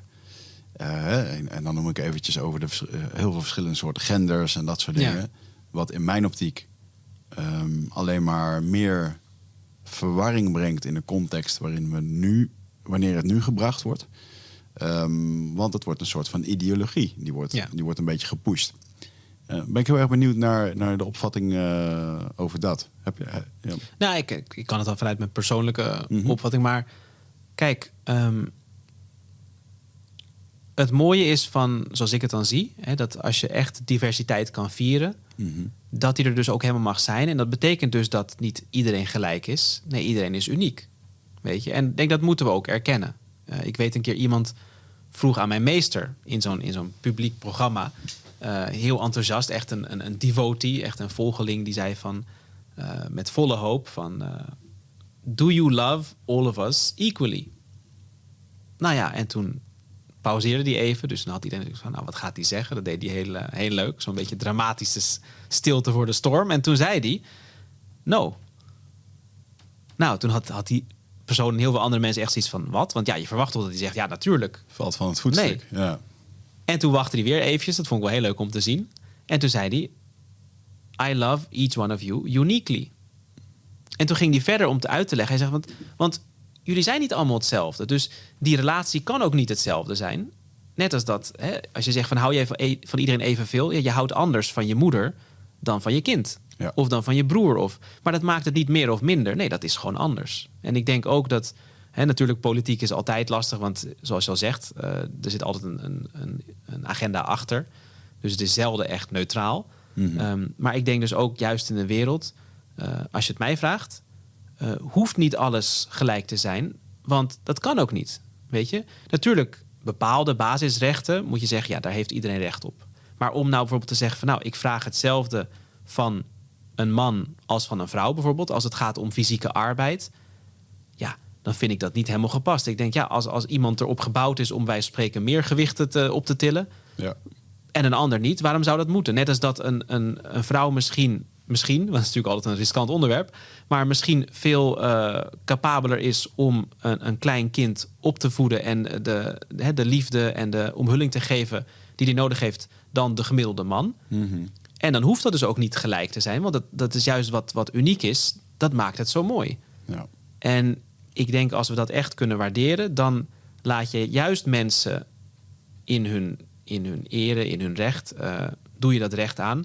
Dan maar te zeggen van nou, alles moet voor iedereen hetzelfde zijn. Want dat, dat kan niet. Net als dat een jong iemand kan misschien niet doen wat een oud iemand kan. En de ervaring die een oud iemand heeft, is niet de ervaring die een jong iemand heeft, bijvoorbeeld. Ja. En ik denk het moment dat, ehm, ja, dat mensen dat eh, kunnen voelen, dan is het dus ook oké dat sommige dingen misschien anders zijn voor andere mensen. Want dat is niet, eh, dat is niet een, een stukje ongevoeligheid, dat is juist een stukje gevoeligheid. Ja. Dat je gewoon mensen, ja, dat ze helemaal zichzelf mogen zijn. En dan is het dus oké als je anders bent. En dan hoeft het dus ook niet allemaal gelijk. Ja, Eh, ik, ik denk dat veel van het, eh, het activisme wat je hierin ziet, komt voort uit een soort pijn. Hè? Dat mensen Tuurlijk, een soort ja, statement willen maken van, ja. van en ik wil nu gezien worden en ik ga er nu Ja. voor staan. Ehm, wat in mijn optiek eh, alleen maar kan leiden tot weer meer eh, polarisatie en meer kampjes van wij zijn dit en wij zijn zus. Maar ehm, voor de mensen die, en dan maakt het eigenlijk niet in wat voor eh, industrie of werkveld, maar de mensen die dit dan heel erg voelen, hè, die eh, van Ja. ik moet nu ergens voor gaan staan. Wat, wat, wat is de observatie daarin? Wat, wat zou je die mensen mee willen geven? Nou ja, kijk, het is altijd lastig om mensen op één hoop te gooien. Natuurlijk Mhm. zal het per persoon ook een beetje verschillen. Maar ik denk uiteindelijk. Kijk, het moment dat jij het gevoel hebt dat eh, hè, ik word niet gehoord, of ik, ik voel me niet goed, of ik voel me niet erkend, of wat dan ook. Los van de, de praktische aspecten. Ik bedoel, kijk, als inderdaad, als je zegt van hé, hey, eh, eh, ik noem maar wat, ik, ik, ik mag niet een, een bepaald gebouw binnen of zo, dat is natuurlijk een praktisch iets. Maar Mhm. dat gevoel van binnen, uiteindelijk is de oorzaak toch altijd een, ja, toch als we het hebben over die, hè, die eh, ehm, conditionering, het is toch iets in ons. Want uiteindelijk zal je in wat voor situatie dan ook, in exact dezelfde situatie mensen kunnen vinden die zich daar misschien heel erg op hun gemak voelen. Ja. En mensen die zich helemaal niet op hun gemak voelen. Dus uiteindelijk wat we toch, als we echt willen groeien en ons echt veilig en vrij willen voelen, ook moeten realiseren, is dat hoe wij de situaties ervaren, is voor een heel groot deel, of misschien wel helemaal, onze conditionering. En dat is iets heel positiefs. Want het moment dat jij je realiseert van ik voel me niet slecht of verdrietig of boos of gestrest omdat dat en dat is gebeurd of omdat die persoon dat zei of dat deed. Nee, dat komt door hoe ik het zie of hoe ik het ervaar. En dat is positief, zeg ik, omdat je je dan realiseert dat jij dus in de hand hebt hoe jij je voelt. Want heel veel mensen leven hun leven toch ja, in de veronderstelling dat eh, situaties en mensen en dergelijke verantwoordelijk zijn voor hoe ze zich voelen. Dus nou, bijvoorbeeld, je gaat naar je werk, je baas maakt het je moeilijk. Of die, die, die behandelt je niet, niet leuk, of nou, wat dan ook. Dan voel jij je niet goed, kom je thuis, zeg je, nou, slechte dag gehad. En dan vraagt je, je partner misschien, nou, waarom eh, ben je zo boos of gestrest? Of nou ja, dat en dat en dat en dat. Oh ja, god, ja, niet eerlijk, of wat dan ook. En je voelt je rot. En je zegt, ja, want dat komt door die baas van hoe hij mij behandelde. Nou, dan betekent dat dus dat, dat jij dat niet in de hand hebt. Want als hij je morgen weer zo behandelt, heb je weer een slechte dag. En misschien heb je dan dus wel de rest van je leven dat je je niet goed voelt. Een heel groot deel van de tijd. Omdat je niet zo behandeld wordt of nou, hoe je hoopt of wilt. Terwijl, als jij je realiseert van hé, maar wacht eens. Er zijn ook andere mensen misschien in exact dezelfde situatie of een heel vergelijkbare situatie. En die hebben er helemaal niet zoveel last van. Die trekken dat zich helemaal niet aan of die hebben daar helemaal geen boodschap aan. Dus die voelen zich prima. Dus dat betekent dat het niet echt die situatie is. Nee, dat is hoe jij je daarin voelt. En het moment dat je dat realiseert, kan je zeggen: Oké, dan kan ik daar dus wat aan doen. Nou, en wat je daaraan kan doen. Kijk, ik leer mensen eh, hoe je de ademhaling kan gebruiken, ademhalingstechnieken, meditatie, wat inzicht hoe die, werk, die, die geest werkt, hoe ons bewustzijn werkt. Maar dan kan je zeggen: Oké, ik voel me niet goed. Wat kan ik eraan doen? Nou, dan ga je er wat aan doen. En misschien dat je na een half uur of een dag of zo een stuk beter voelt. En dat jij dus daadwerkelijk een kans hebt om een veel gelukkiger, gezonder, blijer leven te leven. Ja. En dat is ook iets wat ik heb geleerd. En dat is een, een continu proces. Ik, ik werk daar nog steeds aan. Want er zijn altijd weer eh, nieuwe situaties die op je pad komen. Dat je realiseert, oh, er zit ergens toch nog een haakje of een dingetje waar ik blijf, eh, blijf hangen. Maar dat je zegt, oké, als ik me dus niet goed voel. In plaats van dat ik mensen daar de schuld van geef. Of situaties. Of wat dan ook. Of de wereld of God of hoe, hoe wie of wie of wat. Zeg ik, oké, wat kan ik eraan doen om me dus weer nou, terug te komen in mijn centrum, om me weer goed of vredig of fijn te voelen. En dan doe je er wat aan en dan ben je er weer. En ik denk dat dat heel belangrijk is voor mensen om te realiseren dat eh, een heel groot deel van die, die pijn of onmacht of wat we ook voelen, in wat voor situatie dan ook, hè, of dat nou ja, de situatie waar jij het over had, of gewoon in het dagelijks leven of thuis, uiteindelijk kan niemand jou echt ongelukkig of gestrest maken zonder dat, ja, dat jij daar ook zeg maar, een rol in hebt en zonder die conditionering. Ja. En dat is natuurlijk een stukje verantwoordelijkheid nemen. Dus in die zin is het soms wel een bittere pil. Maar het betekent wel dat jij dus daar controle over hebt. Want anders is het leven ja, toch echt een gok. Ja. En als de dingen lopen zoals je hoopt, voel je je misschien goed. Maar ja, wat is de garantie? En zeker tegenwoordig, als je ziet dat er zoveel verandert en lang niet alles geweldig is, ja, heb je anders een hele grote kans dat je toch eh, ja, je niet zo goed voelt. Ja. En dan ben ik wel benieuwd naar, ehm, ehm, nou, noem eens eventjes een ander heet, heet onderwerp, eh, Zwarte Piet, wel of niet. Ja. Ehm, Dan denk ik, oké, dit is een mooi voorbeeld van ehm, dat vanuit het activisme, eh, stel even eh, ehm, als, als een soort hypothese, eh, Ja. Zwarte Piet wordt straks verboden. Eh, nou, dan, dan hebben we dat klusje geklaard. Ja, Maar eh, de pijn en de perceptie eh, over Zwarte Piet en over dat, eh, dat, dat kan ook straks in een andere trigger weer voorbij komen. ja, Ehm, dus dan gaan we ons weer zo voelen. En dan gaan we ons waarschijnlijk daarop richten om dat weer op een bepaalde manier weg te poetsen of weg te krijgen. En dan heb je het dus over een diepliggend of een onderliggend trauma Ja. wat in ons zit.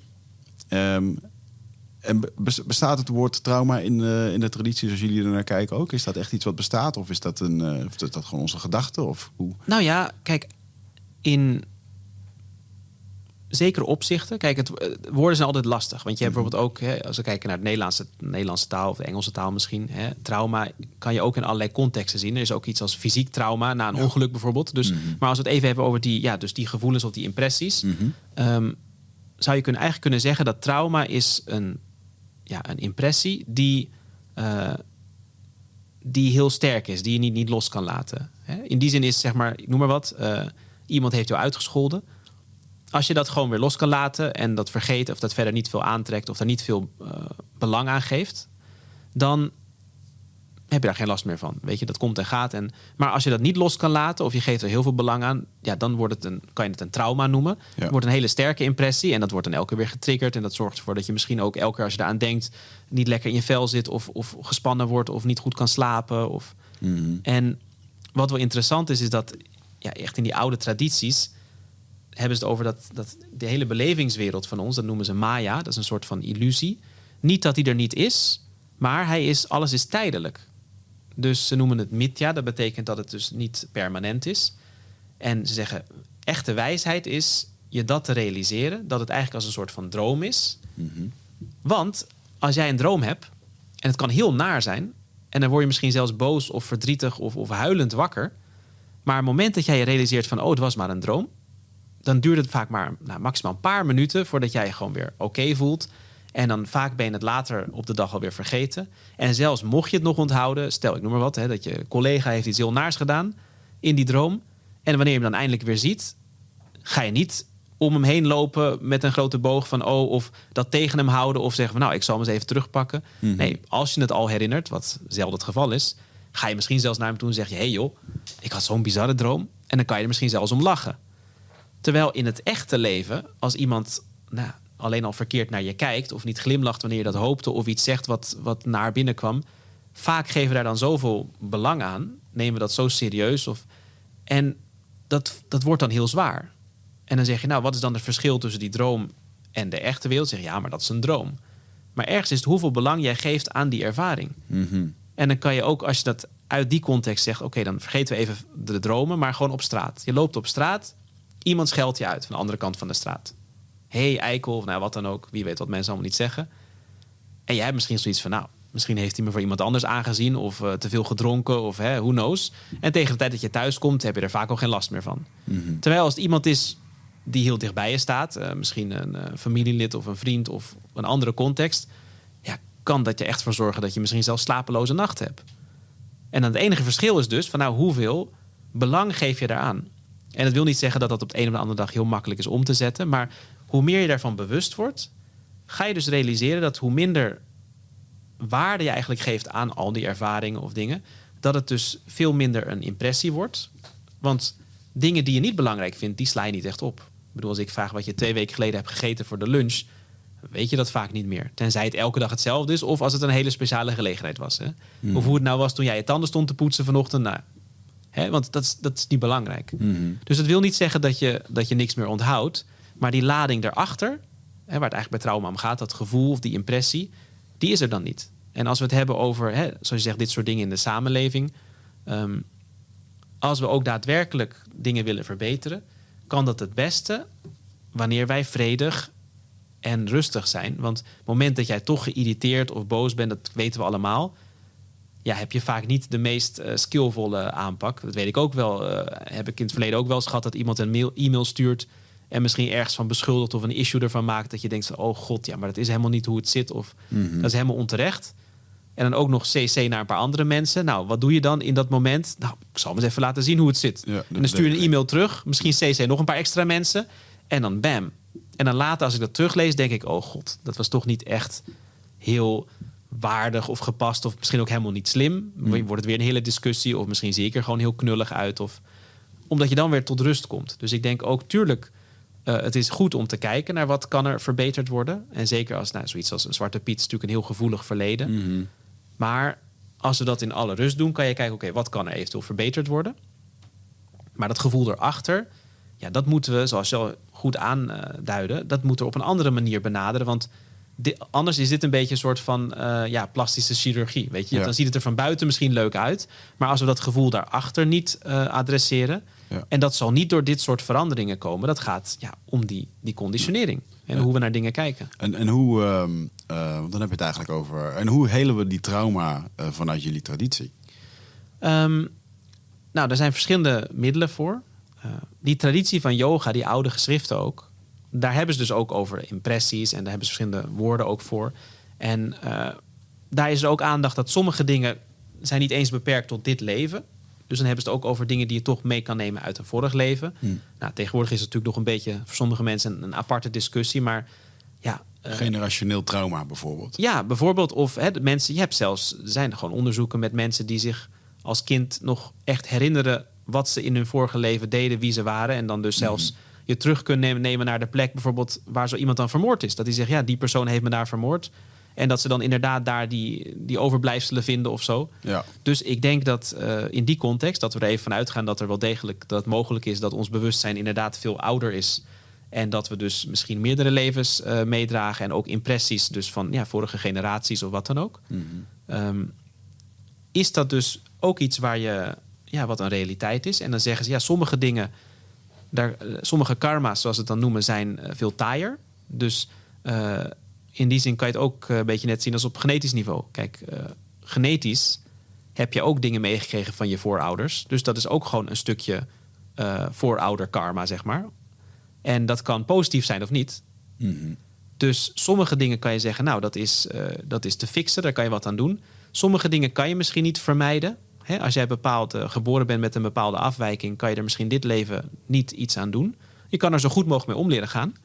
Maar in die zin hebben ze dus ook verschillende soorten impressies. En zeggen, sommige zijn zo diep dat je daar dit leven misschien niet helemaal vrij van kan worden. Hmm. Je kan er wel op de beste mogelijke manier mee omgaan. Ja. En in die zin dat inzicht kan daar ook heel erg bij helpen. Maar sommige dingen kan je wel degelijk vrij van worden. En er zijn dan eh, verschillende aspecten, een stukje inzicht. Maar ook bijvoorbeeld nou, iets als eh, nou, technieken als meditatie bijvoorbeeld. Of, of, of bepaalde ademhalingstechnieken. Omdat je dan, en dat heb ik ook gezien hoor, dat als we bijvoorbeeld programma's doen voor nou, in gevangenissen. Dat je daar met mensen zit die over het algemeen daar niet zitten omdat ze nou ergens wakker werden en dachten, nou ik ga vandaag iemand vermoorden of verkrachten of wat dan ook. Vaak zijn er toch mensen die op een punt toch zo gefrustreerd of boos of wat dan ook waren, dat ze in dat moment iets deden wat misschien ja, echt niet kan of, of heel gewelddadig is of wat dan ook. Maar ja, dan zit je in een gevangenis en dan wordt er van je verwacht dat je ook zegt, nou, ik ga dit nooit meer doen. Maar als je echt eerlijk bent en dat het iemand echt eerlijk zou vragen en die echt eerlijk antwoordt, ik heb dat wel eens eh, gehad, dan zegt zo iemand van ja, maar in dat moment deed ik iets, hè, was ik me niet helemaal bewust van wat ik deed of waarom. Dus dat is ook een soort trauma, want dat betekent dat het weer kan gebeuren. Als je niet helemaal in controle bent, die controle even kwijt was, ja, wie zegt dat het niet weer gebeurt? Dus hoe kan je dan ook echt eerlijk zeggen, ja, ik ga het nooit meer doen? En dan zie je toch bijvoorbeeld mensen die misschien uit een milieu komen waar er veel meer drugs was, of geweld, of, of bendes, of hè, uh, ganglife, of wat dan ook. Dus dan kan je het eigenlijk al bij je bijna voorstellen. Van, nou, ik kan me wel voorstellen dat zo iemand zo leeft of zoiets deed. Van ja, dat is wat hij gewend was of wat hij altijd zag. Maar wij zien dan als we met die mensen toch, hè, die programma's die we hebben voor gevangenen dan doen, waar ook een belangrijk stuk die ademhalingstechnieken en meditatie is, dat zonder daar misschien heel bewust van alles mee te doen, dat ze zoveel van die stress en, en impressies en dingen los kunnen laten. Hmm. Dat je ziet dat er ja, een hele transformatie plaatsvindt. En dat zo iemand dan ook echt bewust zegt van ja, nu durf ik echt te zeggen dat ik dit niet meer ga doen. Of dat ik mijn leven ga veranderen omdat ik nu wel in controle ben over mijn emoties, mijn gedachten. En zelfs als er iets opkomt van nou, ik heb eh, behoefte om iemand in elkaar te slaan, maar dat ik een keuze heb, want het is maar een gedachte. Het is niet wie ik ben. En dan zien we dat, dat die mensen, wanneer ze ook vrijkomen bijvoorbeeld, niet alleen niet meer de, het, uh, het geweld ingaan of uh, de criminaliteit, wat toch heel vaak het geval, geval is normaal gesproken, mm -hmm. maar dat ze zelfs ook echt hele mooie dingen gaan doen. En sommige van hun zijn bijvoorbeeld ook trainers geworden voor diezelfde programma's, want die zeggen ja, ik heb dit ervaren, ja. ik weet waar deze mensen vandaan komen, dus ik kan daar heel goed mee doen. Maar ook iemand die bijvoorbeeld zegt, nou, ik ga een, uh, bijvoorbeeld in India dan, ik ga een schooltje runnen in, in, in the middle of nowhere voor die kinderen in die dorpen daar. Ik ga daar al mijn energie in stoppen of sustainable agriculture promoten of nou, hier in Denemarken bijvoorbeeld uh, hebben we ook een hele groep, doen we heel veel met dit soort programma's. Echt zo'n ex-gangmember, drug dealer, die echt helemaal trots nu vertelt van... ik verdien nu eerlijk mijn brood als vuilnisman en ik ga binnenkort trouwen... en ik heb gewoon mijn leven helemaal op de rails. En het is zo ontroerend dat je ziet dat iemand zo dankbaar is... dat die vuilnisman is. Ik bedoel, hè, wij hebben zoiets van wie wilde nou vuilnisman zijn? Maar dat zegt ja, dat ik gewoon elke dag opsta en dat ik weet dat ik iets bijdraag, dat ik eerlijk mijn brood verdien en dat ik dus mijn leven zo op kunnen omgooien. Ja, dat is gewoon heel bijzonder. En dan zie je dat, dat dus los van natuurlijk een stukje. Hè, uh, we hebben natuurlijk dingen dat mensen zeggen, nou, praat met een psycholoog of een psychiater of dit of dat. Maar dan zit je toch nog heel erg op dat bewuste niveau van die geest en die, en, en die gedachten. En natuurlijk kan je dan zeggen, oké, okay, ik heb dat en dat en dat meegemaakt, praat erover. Maar op een dieper niveau zijn dit soort uh, ja, technieken Hmm. Toch echt zo waardevol om het gewoon ook echt uit je systeem te krijgen. En dan zie je ook die drastische transformatie in een relatief hele korte tijd. En dat is ook een van de dingen wat mij zo heeft geïnspireerd om ja, hier echt wat mee te doen in mijn leven. Want ja, ik, ik was eerst met verschillende vechtsporten en zo bezig. Maar toen ik die, die ademhalingstechnieken hmm. ontdekte, die cursus van Art of Living en dat ook ging ervaren, ja. had ik zoiets van: wauw, weet je, dat gewoon door iets te doen dat je in een staat van zijn komt. En dat je gewoon gaat merken dat bepaalde triggers of, of situaties waar je misschien normaal niet op je gemak voelde. Of uh, waar je misschien geïrriteerd van raakte of, of uh, angstig van werd of wat dan ook. Dat het opeens na een tijdje dat je merkt, hey frek, dat, dat is er niet meer of dat is veel minder. Ja. Of dat ik me gewoon veel, veel vrijer voel of veel meer op mijn gemak. Of, hm. Dus dat, dat werkt op nog een veel diepere laag. Uh, maar het is wel heel waardevol. Cool. Wat ja. voor vechtsport deed je? Uh, verschillende dingen. Ik heb begon ooit met judo toen ik echt nog klein was. Mm ik was toch ook wel heel begaan en, en, en, gevoelig jongetje. Dus mijn moeder had op een gegeven moment zoiets van... ja, het is toch ook belangrijk dat hij wel een beetje... Uh, hè, ook gewoon leert terug te duwen als dat soms nodig is. Want ja, anders dan, dan wordt het mhm. niks. Maar dus eerst een heel aantal jaar judo. Toen op een gegeven moment um, ben ik ook taekwondo gaan doen. Een stukje aikido. ook nog tussendoor een paar jaar capoeira. Mm. Dat vond ik ook gewoon heel erg leuk en mooi. Het is natuurlijk een heel andere flavor. Maar, ja, zeker. Um, en ik heb ook nog een aantal jaar, echt een aantal jaar, iets gedaan dat heette Ninpo Bujutsu. Dat was een ninja martial art. Mm -hmm. Dus van een, uh, ja, echt zo'n, zo'n, ook zo'n traditie uit Japan. Um, dat vond ik ook wel heel cool, omdat je dan ook met allerlei wapens uh, om leert gaan. Dus ook met die werpsterren, zwaarden, stokken.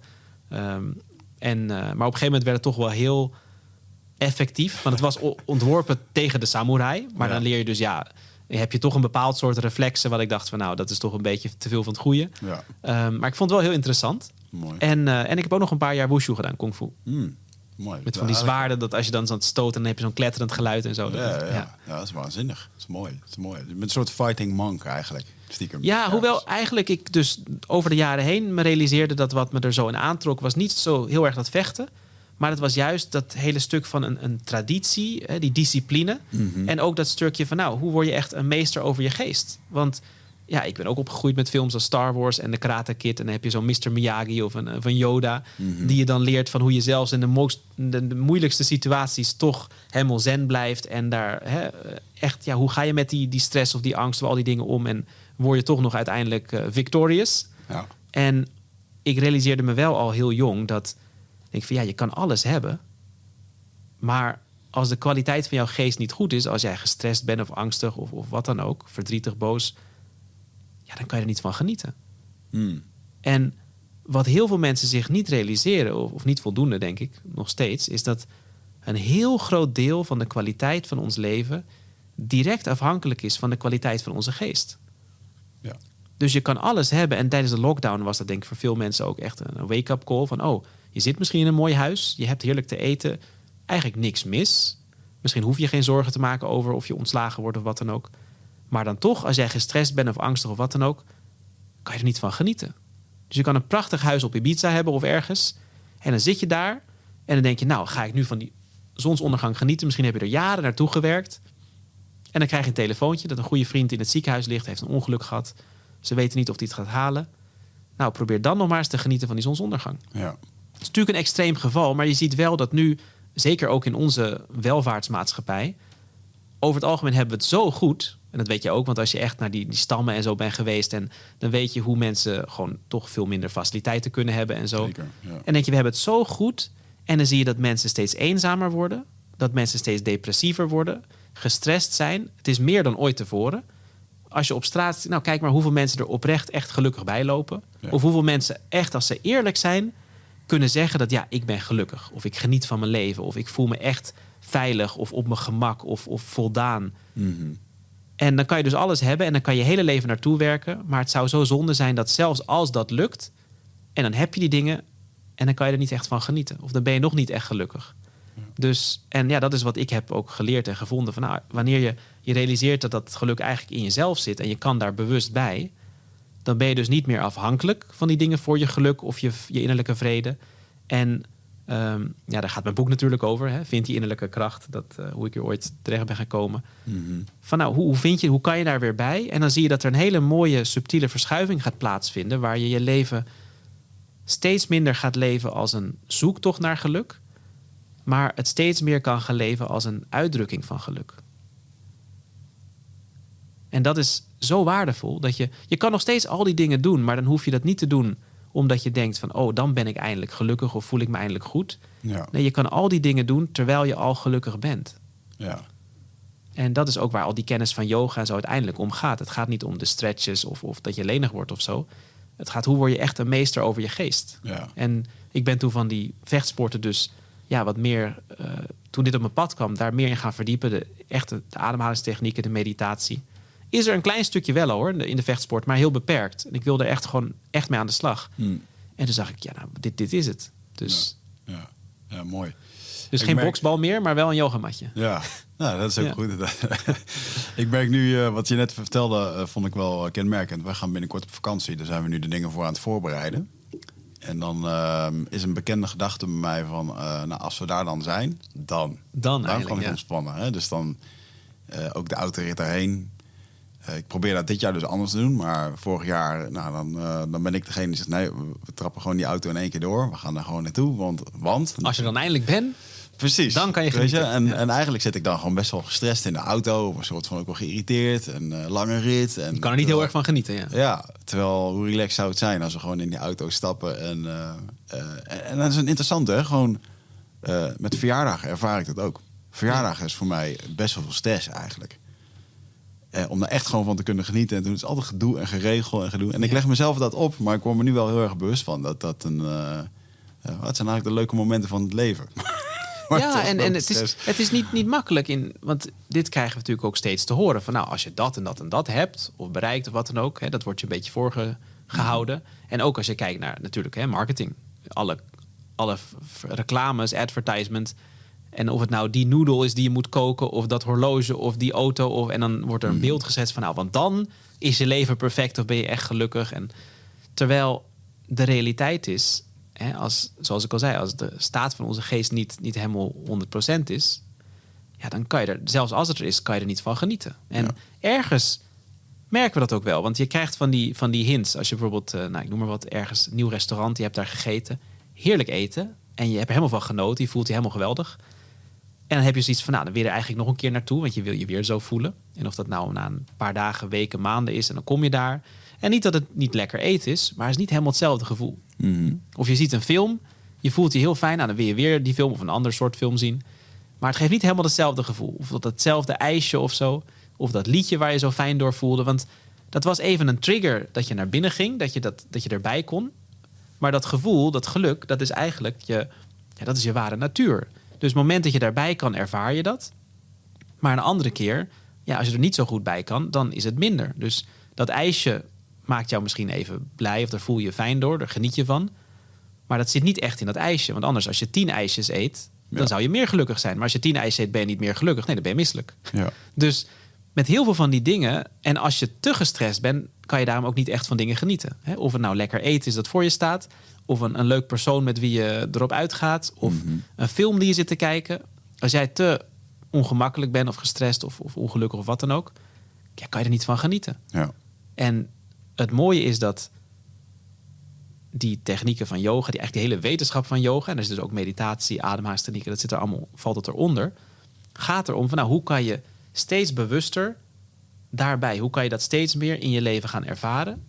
Want wanneer wij gewoon ontspannen zijn, wanneer je niet gestrest bent of geïrriteerd of wat dan ook, jouw natuurlijke staat, als je dat observeert, is dat jij je goed voelt. Als je zegt, nou, ik zit lekker in mijn vel, je voelt je goed, je bent vrolijk misschien. En soms vragen mensen ook van, nou, hé, waarom ben je vandaag zo vrolijk? Of waarom eh, voel jij je zo goed? Is het vaak heel lastig om te zeggen, nou, dat komt precies daardoor. Nee, ja, ik weet niet, ja, ik zit lekker in mijn vel of, of goed geslapen of wat dan ook. Maar als jij je niet goed voelt en iemand zegt, hé, waarom ben je zo gestrest of boos of geïrriteerd? Dan weet je precies waar het door komt. Ja, die heeft dat gedaan en dat is niet zo. En een heel verhaal. Dus als we een stapje terug doen, als je echt je leven gaat observeren, zal je zien dat we eigenlijk geen reden nodig hebben om gelukkig te zijn. Je hebt een reden nodig om ongelukkig te zijn. Hmm.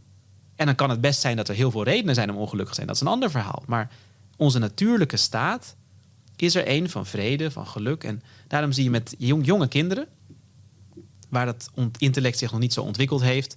En dat je nog niet eh, eh, te veel bezig bent met het verleden en de toekomst en al die dingen. Die zijn heel erg in het nu. En die zijn heel gelukkig. Die zitten in een zandbak met een kiezeltje te spelen of een takje. Ja. Niet dat dat takje zo geweldig is. Nee, maar omdat ze gewoon helemaal in het nu zijn. En daarom zie je ook, dus heel sneaky, heb je misschien wel eens gemerkt, als zo'n klein kind, als het bijvoorbeeld rent en het valt, Mhm. kijkt het eerst om zich heen, heeft iemand het gezien? Ja, ja. En als niemand het gezien heeft, of als ze dat denken, misschien sta je achter een boom of zo, dan gaan ze niet eens huilen. Ja. Dan staan ze op en dan gaan ze vrolijk weer verder. Dat is heel sneaky. Maar als iemand het gezien heeft, ja, dan gaan ze huilen en dan krijg je aandacht of misschien een snoepje. Of... Ja. Maar zelfs als je huilt en dan komen ze met een lolly, nou, dan gaat die lolly erin. En het is klaar. En dan misschien dat die tranen nog, nog komen, want het, die kraan staat nog niet helemaal uit van binnen. Maar dan beginnen ze alweer te lachen en dan zijn ze weer helemaal met die lolly bezig. Mhm. Dus natuurlijk kan je zeggen, nou, wij worden wat volwassener. Hè, en je, je, je denkt wat meer na over de toekomst, verleden, dit en dat. Maar de kunst is dat wanneer je toch eh, ja, ergens meer om leert te gaan met die geest... en hem dus ook wat, wat, wat stressvrijer houdt en dergelijke... Dat je, die, dat je er nog steeds bij kan. Die kwaliteit zit er nog steeds. En Ja. ja, ik heb dat dus eh, dusdanig ervaren... dat ik inderdaad ook in zo'n jungle bijvoorbeeld gewoon helemaal gelukkig ben... En dat je mij naar een, een nieuw land kan sturen waar ik misschien niet eens de taal voel. En dat ik me nog op mijn gemak voel. Dat ik me nog thuis voel. Mhm. En dat is, dat is echte vrijheid als je het mij vraagt. Dat je gewoon met wie dan ook, waar dan ook, lekker in je vel zit. Wil niet zeggen dat je overal net zo hoeft te dansen als wanneer je onder de douche staat. Maar van binnen dat gevoel, als je dat met je mee kan nemen waar je ook gaat, dat je je zo thuis voelt of op je gemak. Of, ja, dat is geweldig. Weet je? En dat, dat gun ik iedereen. Mooi, mooi. Heel cool. En ehm, als je het dan hebt over de wijsheid hè, uit eh, jullie traditie. Die wijsheid die komt ergens vandaan. Ja, Ik kan me voorstellen dat dat... ehm, eh, nou ja, dat haal je natuurlijk uit de, de meditatie. De momenten dat je, waarbij je contact maakt misschien met een veld wat groter is dan onszelf. Be- Is dat zo of niet? Volgens, Nou ja, er zijn ook eh, heel veel van die oude geschriften Mhm. die nog steeds eh, ja, beschikbaar zijn. En ja, ik heb dan echt, en dan zie ik het ook echt, het voorrecht dat ik een, ja, een echte spirituele meester heb mogen ontmoeten. Die die dingen dus ook echt kan vertalen en uitleggen, ook in de context van onze belevingswereld. Want eh, ja, sommige van die teksten, ik bedoel, je kan ontzettend veel boeken lezen, maar als het alleen een concept blijft, Ja. klinkt het heel leuk, kan je het er ook helemaal mee eens zijn, maar dat zal niet echt de kwaliteit van je leven ver- veranderen. Hoe, Dus, hoe oud zijn deze teksten? Of wat- nou, sommige zijn echt duizenden jaar oud. Ja. En dan hebben ze de oudste datering van teksten die we nu nog hebben, dat het is opgeschreven, is dan bijvoorbeeld ehm, nou ja, drie, vier, vijfduizend jaar voor, voor Christus. Dus dan hebben we het over vijf, zes, jaar, zesduizend jaar oud. Maar dat was daarvoor ook al een traditie die ook nog eens mondeling werd overgedragen. En misschien ook al eerder opgeschreven. Maar ja, die materialen, die palmbladeren of zo, die gaan ook maar beperkt mee. Dus eh, op een gegeven moment dan vergaat dat weer. Maar heb je dus hele oude teksten van, van yogis en meesters en mensen die echt helemaal gewoon hierop gefocust hebben van wat is nou het doel van ons leven? Of waarom zijn we hier, wie zijn we? En hoe zit het allemaal in elkaar.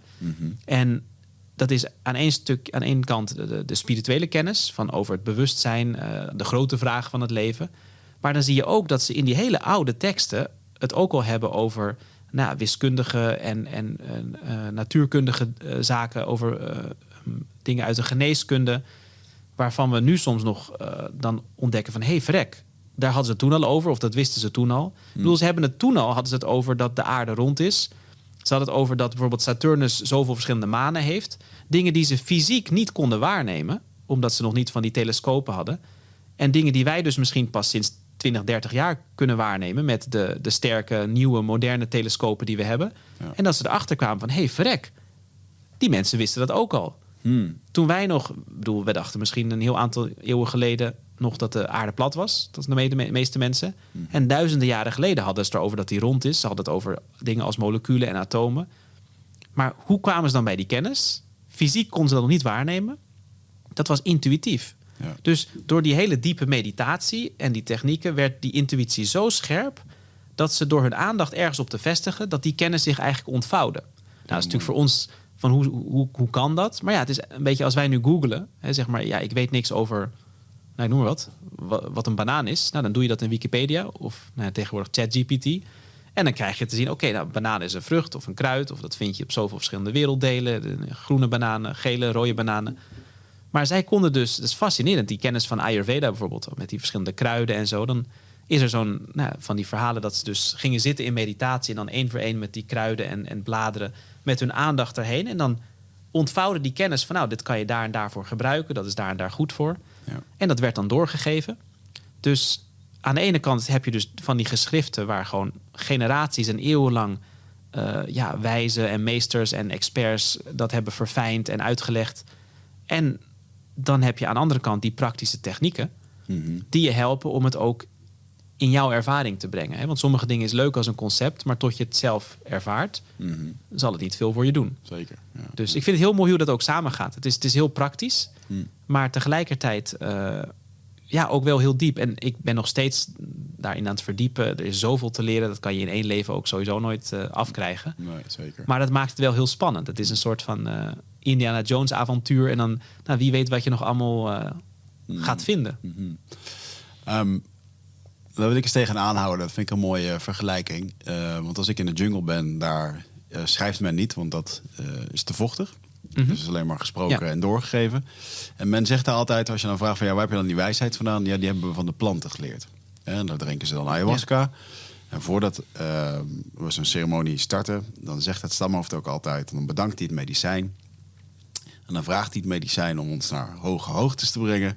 Dat we daar de wijsheid eh, mogen ontvangen om onszelf te helen. En de helende, helende liederen te mogen ontvangen. eh, die we mee terug kunnen nemen naar de aarde. Om onszelf te helen en anderen. Ja.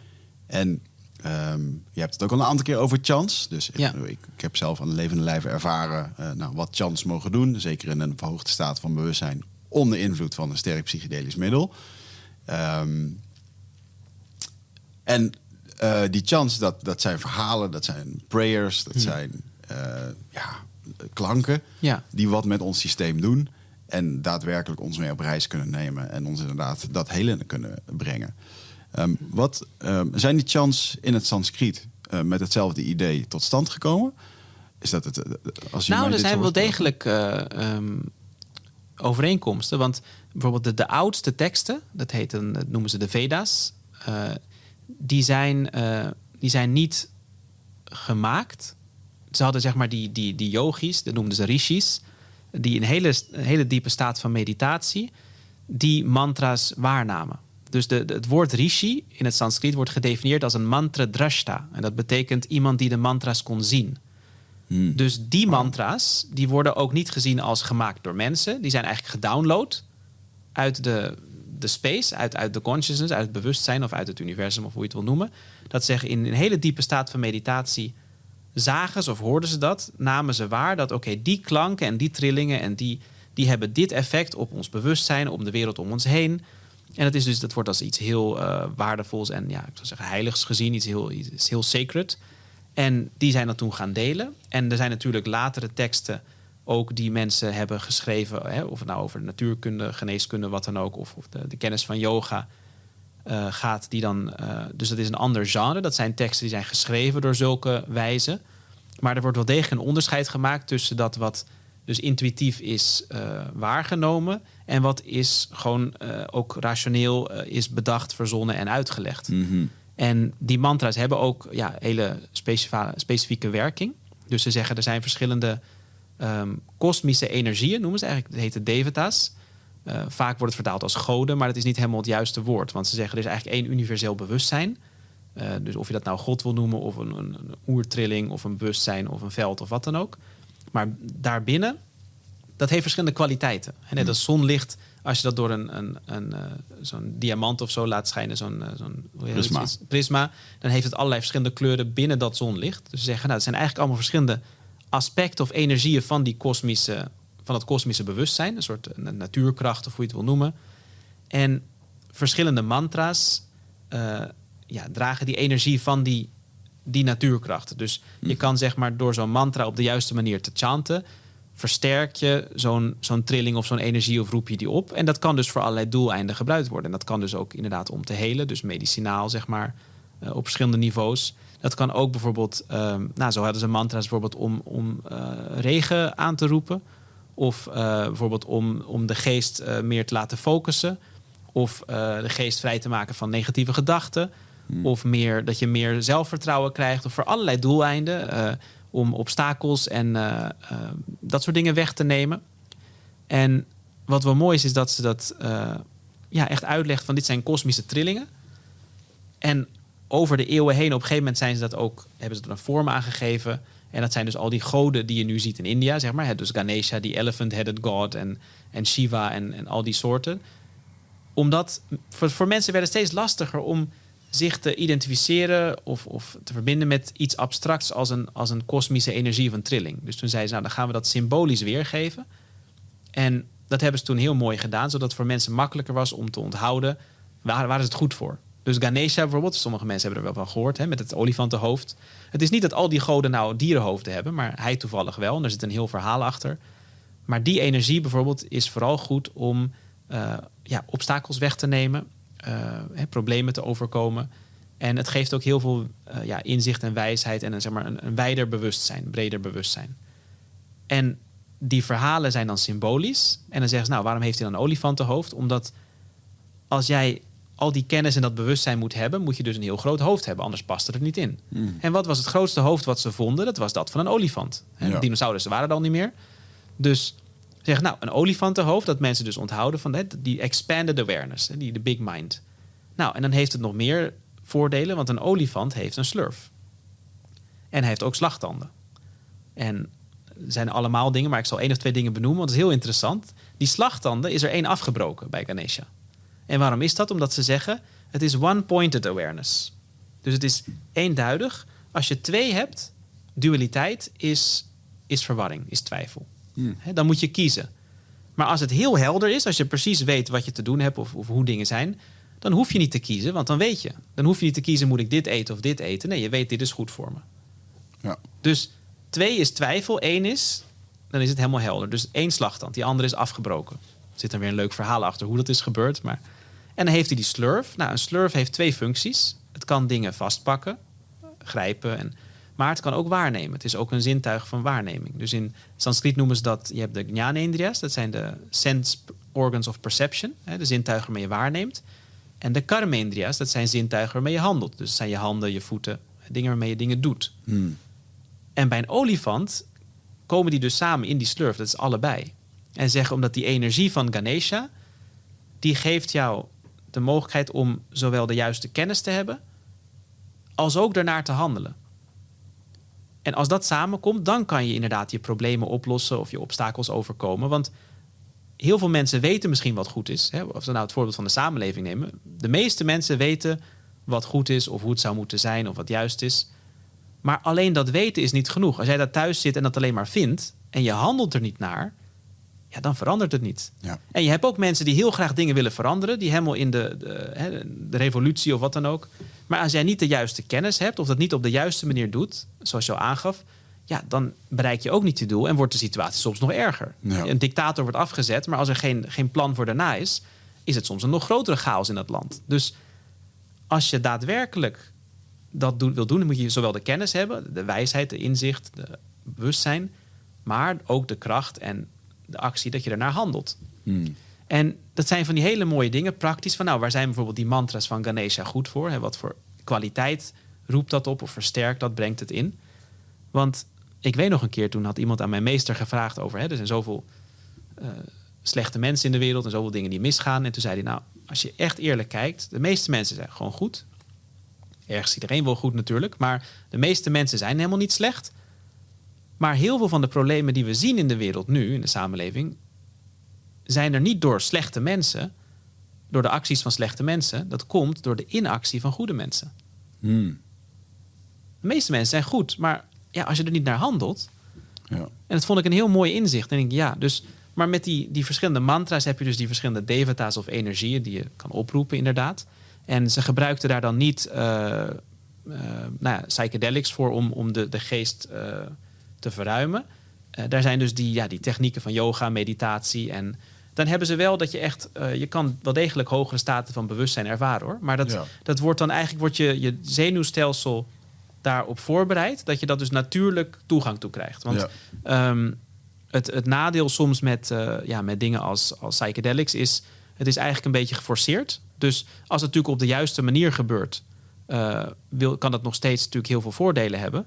Maar je ziet dan toch soms wel dat als ja, een zenuwstelsel dat niet aan kan... dat mensen toch eh, uit balans raken... of dat het ook eh, ja, dat het toch nog zeg maar, gekleurd wordt door hun eigen eh, verlangens en angsten en dingen. Terwijl als je nou ja, dusdanig hebt gemediteerd en dergelijke, dat je dus eigenlijk al vrij bent van heel veel van die Hmm. impressies, dan is het dus ook veel, veel zuiverder. En dan is het ook geen mogelijke overload voor je system, zeg maar. Hmm. Maar het is dus in die zin vergelijkbaar dat ze dus ja, wel contact maakten met een, een hoger bewustzijn of dus een dieper niveau van hun eigen bewustzijn en die, die intuïtieve kennis.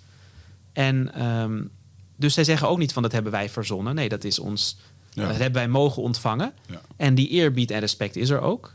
En ik heb zelf ook eh, meerdere malen ervaren. En daarom vind ik mantra's zelf ook zo ontzettend interessant. Eh, hoe krachtig dit kan zijn en ook wat het met mensen kan doen. Dat Ja. we gewoon dat je die eeuwenoude mantra's die daar dan gechant worden door die pandits en die mensen. En dat we daar duizenden mensen hebben zitten van over de hele wereld. Dus uit, uit Rusland, Afrika, Nederland, Amerika, naar all over the place. Die misschien zelfs geen Engels spreken soms. En toch, al die mensen, als ze naar die oude Vedische mantra's daar zitten te luisteren, even hun ogen dicht doet, gaan ze in een staat van meditatie. Ja. Zonder dat ze misschien de betekenis van die woorden weten, omdat het, het echte kracht zit in die klank. Ja, prachtig. Ja, ja het, is, heel bijzonder. Mooi. hè? Ja, de oude wijsheid die we hier af en toe zo vergeten zijn. Ja, Maar ehm, ja, maar, maar je staat wel open voor andere tradities. Want ehm, komende dinsdag dan eh, kruip jij eh, in een donker hol waar het heel erg warm is. Dus weet het. ja nooit gedaan. Ja. Maar ik werd eh, ja, door iemand toch heel, heel lief daarvoor uitgenodigd. Die wil dat heel graag met mij delen. Die vindt dat helemaal geweldig. Mhm. En toen had ik zoiets van, nou ja, ik ben wel benieuwd hoe dat, eh, hoe dat is. En net als dat ik, eh, hè, ik heb bijvoorbeeld ook in Bhutan en, en dat soort plekken gereisd, gewerkt. Mhm. En dan vind ik het alleen maar ontzettend mooi om naar zo'n zo'n Tibetaans klooster te gaan en, en te zien en te ervaren ja, hoe die tradities zijn. Weet Ja. je, dus in die zin is het inderdaad helemaal niet zoiets van, oh, ik ben vies van al het andere. Of Mhm. Juist, eigenlijk als je ook kijkt naar die, die oude Vedische traditie, was dat ook echt een principe binnen die traditie. Dat ze, ze hebben ook van die mantra's waarin ze dus ook ja, een soort van gebed of prayer, dat ze zeggen, mag eh, wijsheid tot ons komen van alle, alle richtingen. En mogen we daar ook voor openstaan? En ondanks het feit dat we allemaal misschien toch ja, onze eigen cultuur, tradities of, of geloofsovertuiging of wat dan ook hebben, Ja. dat we wel samen voor het grotere goed eh, ehm, ja, vooruit mogen, zeg maar. Dus ook weer van hè, celebrating the diversity. Ja. Dat je dat erkent. Ja, er is, is heel van alles en, en dat mag er ook zijn. En eh, dat is ook helemaal goed. Dus ze hebben in India ook dat een concept dat heet Ishta Devata. Dat betekent dat jij het, ja, of je het nou het universum of het goddelijke of hoe je het ook wil noemen, het hogere, ehm, ja, dat je daarmee verbindt of dat je dat vereert of bidt of wat dan ook. eh, in de vorm die, waar jij het makkelijkst, waar jij het meest verbonden mee voelt. Hmm. Dus daarom zeggen mensen wel eens hè, dat je in India zoveel goden hebt. Eigenlijk is er, is er maar één god of bewustzijn of hoe je het wil noemen. Ja. Maar je hebt heel verschillende vormen. Ja. Want iedereen mag dat op zijn eigen manier doen. Dus dan kom je in zo'n tempeltje in zo'n dorp. En dan is misschien iemand daar een, een puja aan het doen voor eh, Ganesha. Terwijl iemand anders doet iets met Shiva daar. En iemand anders met, met Vishnu of een andere god of een of andere lokale eh, deity. Mhm. En dat kan allemaal prima samen. Want uiteindelijk hebben ze iets van ja, want het, het gaat allemaal naar dezelfde plek. Ja. En eh, daarom is er daar ook nooit echt een conflict geweest met eh, ja, andere tradities. Ja. Dus bijvoorbeeld, hè, als je kijkt naar. eh, op een gegeven moment kwamen natuurlijk ook christenen daar. Nou, die waren ook welkom. Je had de, de, Pers, de Perzische traditie. De, dat heette dan. eh, ehm, hoe heet het ook alweer? De, de Farsi-traditie. Dat. Naam komt even niet. Een soort van Zoroastrianism, maar iets, iets andere flavor. Maar dat is ook helemaal welkom. Nou, op een gegeven moment kwam islam ook. Nou, dat werd dan meer een soort Soefi Mhm. flavor.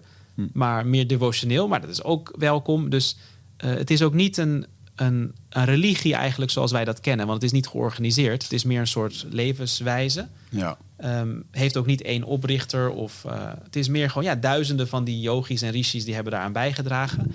En nog steeds zijn er spirituele meesters die hè, er weer eh, nog iets eh, relevanter maken voor wat Ja. er nu is. Of iets daaraan bijdragen.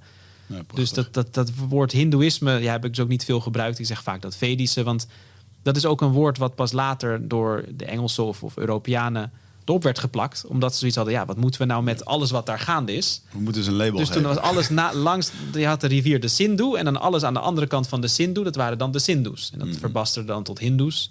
Nou, en wat voor religie? Nou, dat noemen we Hindoeïsme. Dus het zijn Ja. van alles, dingen die soms helemaal haaks op elkaar staan. Of, Ja.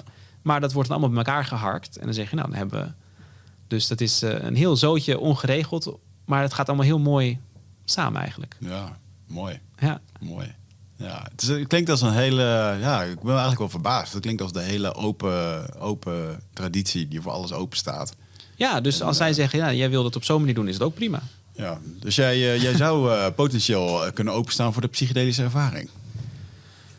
Dat zou kunnen. Maar zelf, ja, aan de ene kant heb ik dus, voel ik niet heel erg een behoefte, omdat ik, ik heb al Mhm. hele mooie ervaringen eh, zonder dat ik, dat ik dat zeg maar nodig heb. Hè? Dus met mijn spirituele oefeningen, technieken en dergelijke. En ehm, ook omdat, hè, wat ik zeg, het, is, ehm, het hangt natuurlijk ook vanaf van hoe het gedaan wordt en, en wat. Hè? Want je hebt van alles eh, out there wat, wat mensen gebruiken. Maar omdat het dus ook ergens... ehm, ja, je, je bewust ergens iets forceert.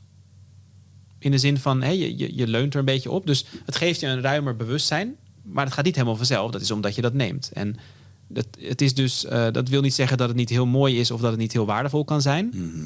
Maar omdat het zeg maar niet helemaal natuurlijk is.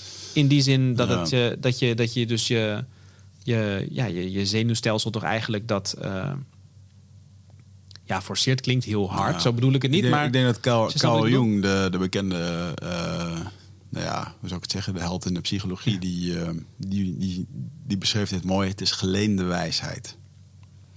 Oh ja, dat is, eh, dat is wel een interessante term. Ja. En, ehm, dus je krijgt het tot je, je ziet het en dan Ja. moet je er vervolgens wat mee doen. Dus ik geloof absoluut dat als je, ja, als je dat zelf zonder iets van buitenaf ervaart, dat het dan eh, wat directer kan voelen. Ja, Ehm, dus, en dat wil niet zeggen dat het niet, niet, niet zijn voordelen of zijn plek heeft hoor. Want ik ken ook mensen die, die door zo'n ervaring bijvoorbeeld, omdat ze daarvoor misschien nog helemaal niet zoveel met dit soort dingen zijn bezig geweest of daar geen toegang toe hadden, mhm.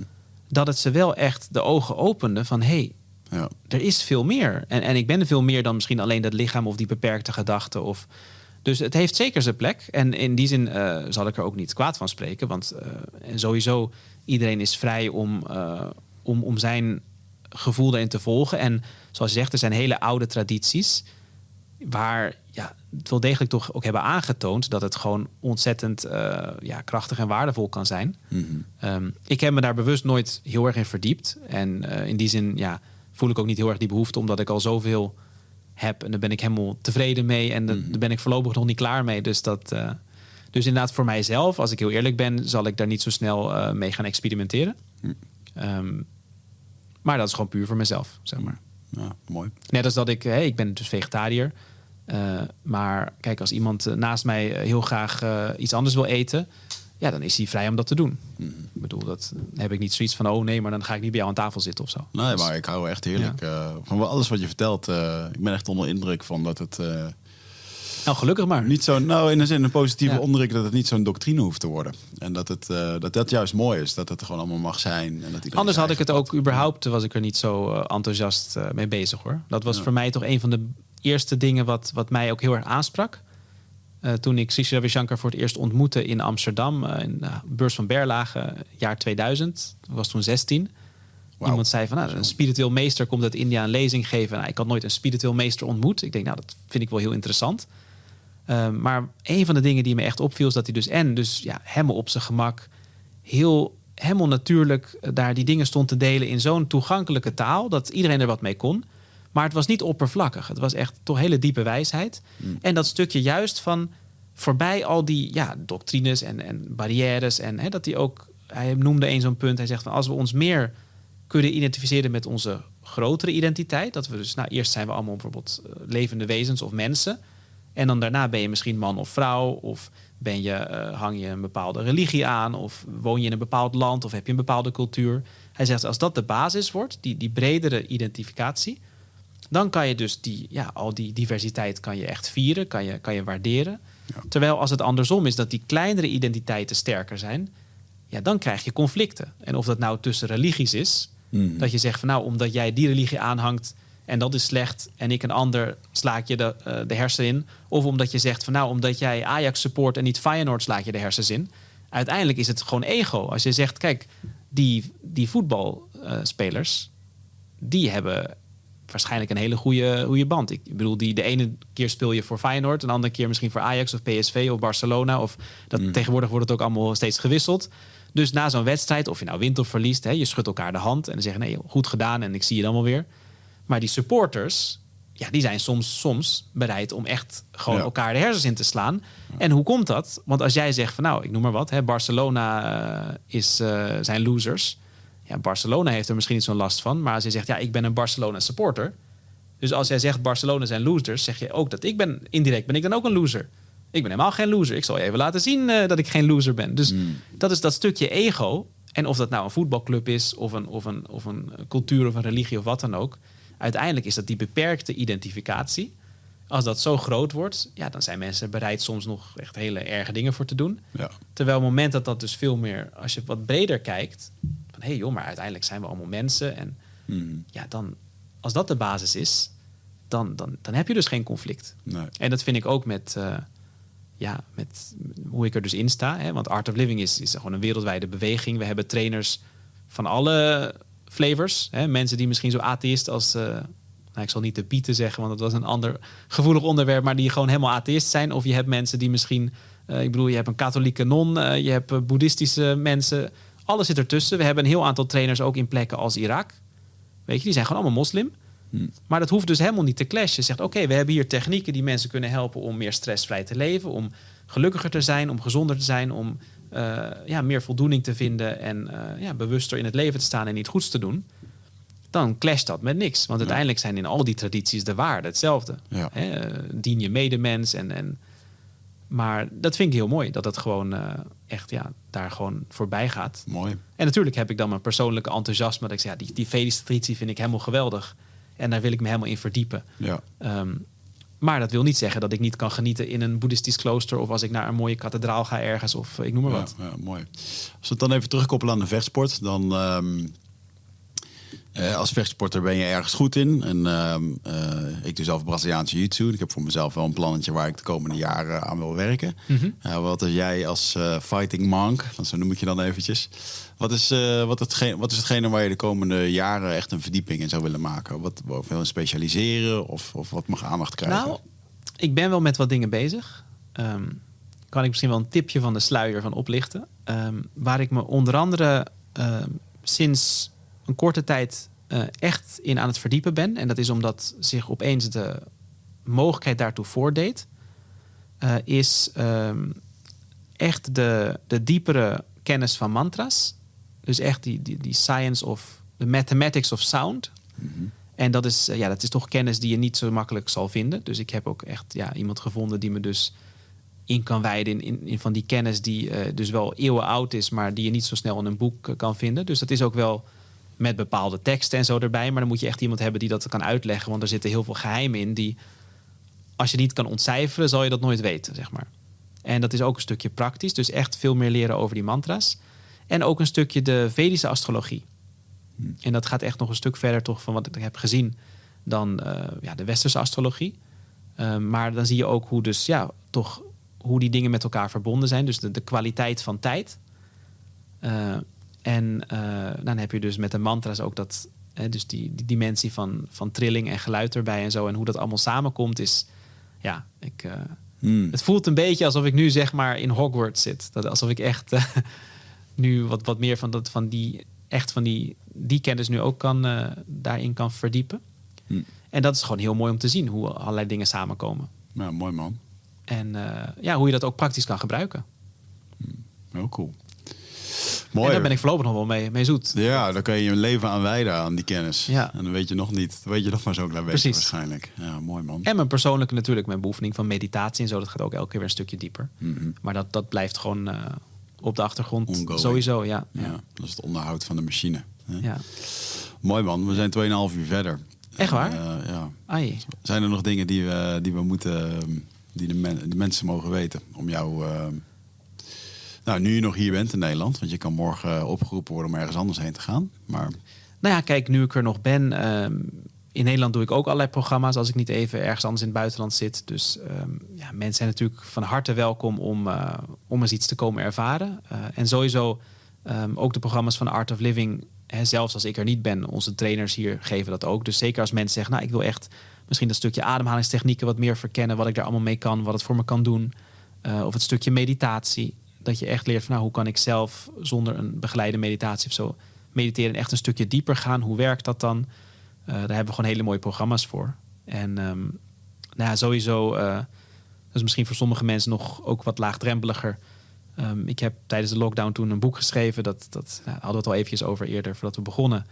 Eh, dat heeft ook heel veel mensen geholpen over de hele wereld al. Dat is in tientalen vertaald. Maar dus ook in Nederlands. Dat heb ik dan zelf gedaan. Maar in Nederlands heet het Vind je innerlijke kracht. En dat is misschien ook heel leuk voor mensen als ze wat meer willen verkennen van nou, hè, hoe werkt die geest? Hoe kan ik eh, met meditatie aan de slag gaan? Eh, hè, wat het wel is, wat het niet is. Hoe meditatie bijvoorbeeld verschilt van mindfulness en dergelijke. Ehm, maar ook dat stukje van nou, hè, die, die innerlijke rust, die innerlijke vrede of die innerlijke kracht. Van nou, hoe, hoe kan ik daar misschien weer wat makkelijker bij? Eh, hoe, waar ben ik misschien een beetje van het pad afgeraakt en kom je weer terug? Eh, dus dat is nog iets, eh, iets leuks. En met die mantra's, ja, ik heb ook een paar mantra's opgenomen. Die staan ook op Spotify en zo. Dus YouTube, dat kunnen mensen, als ze dat leuk vinden, een beetje verkennen. Ehm, maar meer dan dat zou ik mensen gewoon, eh, ja, toch willen, de luisteraars, willen aansporen of, of uitnodigen eigenlijk om ja, dit stukje toch ook wat meer te verkennen in hun leven. Van, nou, hè, hoe, hoe werkt die geest en hoe kan ik toch praktisch echt iets doen om die kwaliteit van ja, mijn geest, eh, gedachten, gevoelens eh, te verbeteren? Omdat, zoals ik al zei, de kwaliteit van ons leven hangt zoveel af, is zo nauw verbonden ook met de kwaliteit van onze geest. En we zijn zo druk, de hele dag met, met ons werk, met het sociale leven, met allerlei doelen, eh, dromen en, en lasten en verplichtingen en wat al niet.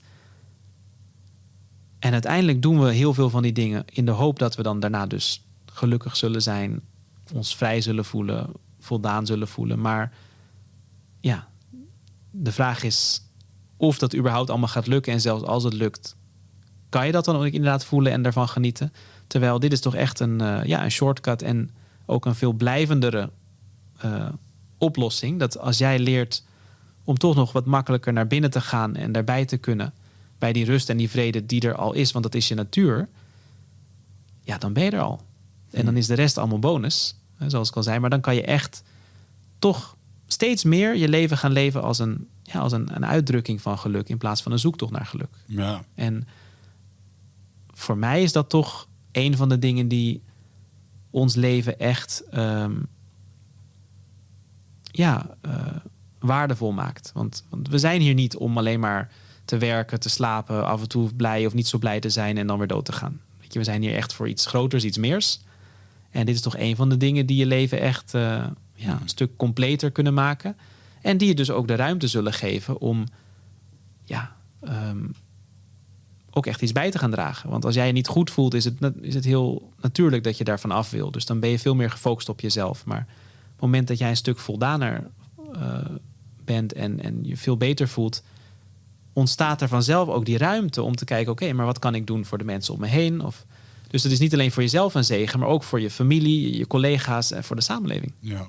ja, het is een bijna een natuurlijke beweging dat als jij gewoon zelf lekker in je vel zit, Precies. dat je dat op een gegeven moment gewoon wil doorgeven. Het is ook natuurlijk, ja. Ja, mooi. Dus ja, gun dat jezelf, zou ik zeggen tegen de mensen. Ja, mooie boodschap man. Dankjewel. Dankjewel dat je naar de studio wilde komen. Alsjeblieft. En, eh, ik hoop dat je nog een keer. Ik hoop dat we dit gesprek nog een keertje voort kunnen zetten. Ja, En eh, heel veel succes. dankjewel. En ehm, we gaan elkaar vast nog een keer zien. Yes. En heel veel succes ook met, met de vakantie. Met de vakantie. Ja, dat weten de luisteraars dan nog niet. Maar Ja. wij gaan naar Italië toe. Omdat we daar een huis hebben gekocht. Dus daar gaan we onze... onze Nieuw avontuur. Daar ga ik mijn stilte vinden. Mooi, mooi, heel mooi. Heerlijke rust. Heel mooi. Dus eh, ja, we komen een keertje naar Italië zou ik zeggen. Dan gaan we daar op de berg gaan we deze podcast voortzetten. Kijk. Dat eh, was van plan. Hè? Mooi. Mooi. Luisteraars, dankjewel voor het luisteren naar eh, Eindbazen. Volg ons op eh, Instagram. Ehm, probeer ons ook eh, te volgen in de, de Apples en de Spotify's. Swami kan je ook vinden op Instagram. En natuurlijk online. En kijk ook eventjes naar The Art of Living. voor alle programma's waar we het over gehad hebben. Waar je mogelijk zelf iets aan hebt. Om die innerlijke tevreden en dat door te geven aan de rest van de wereld. Fijne dag.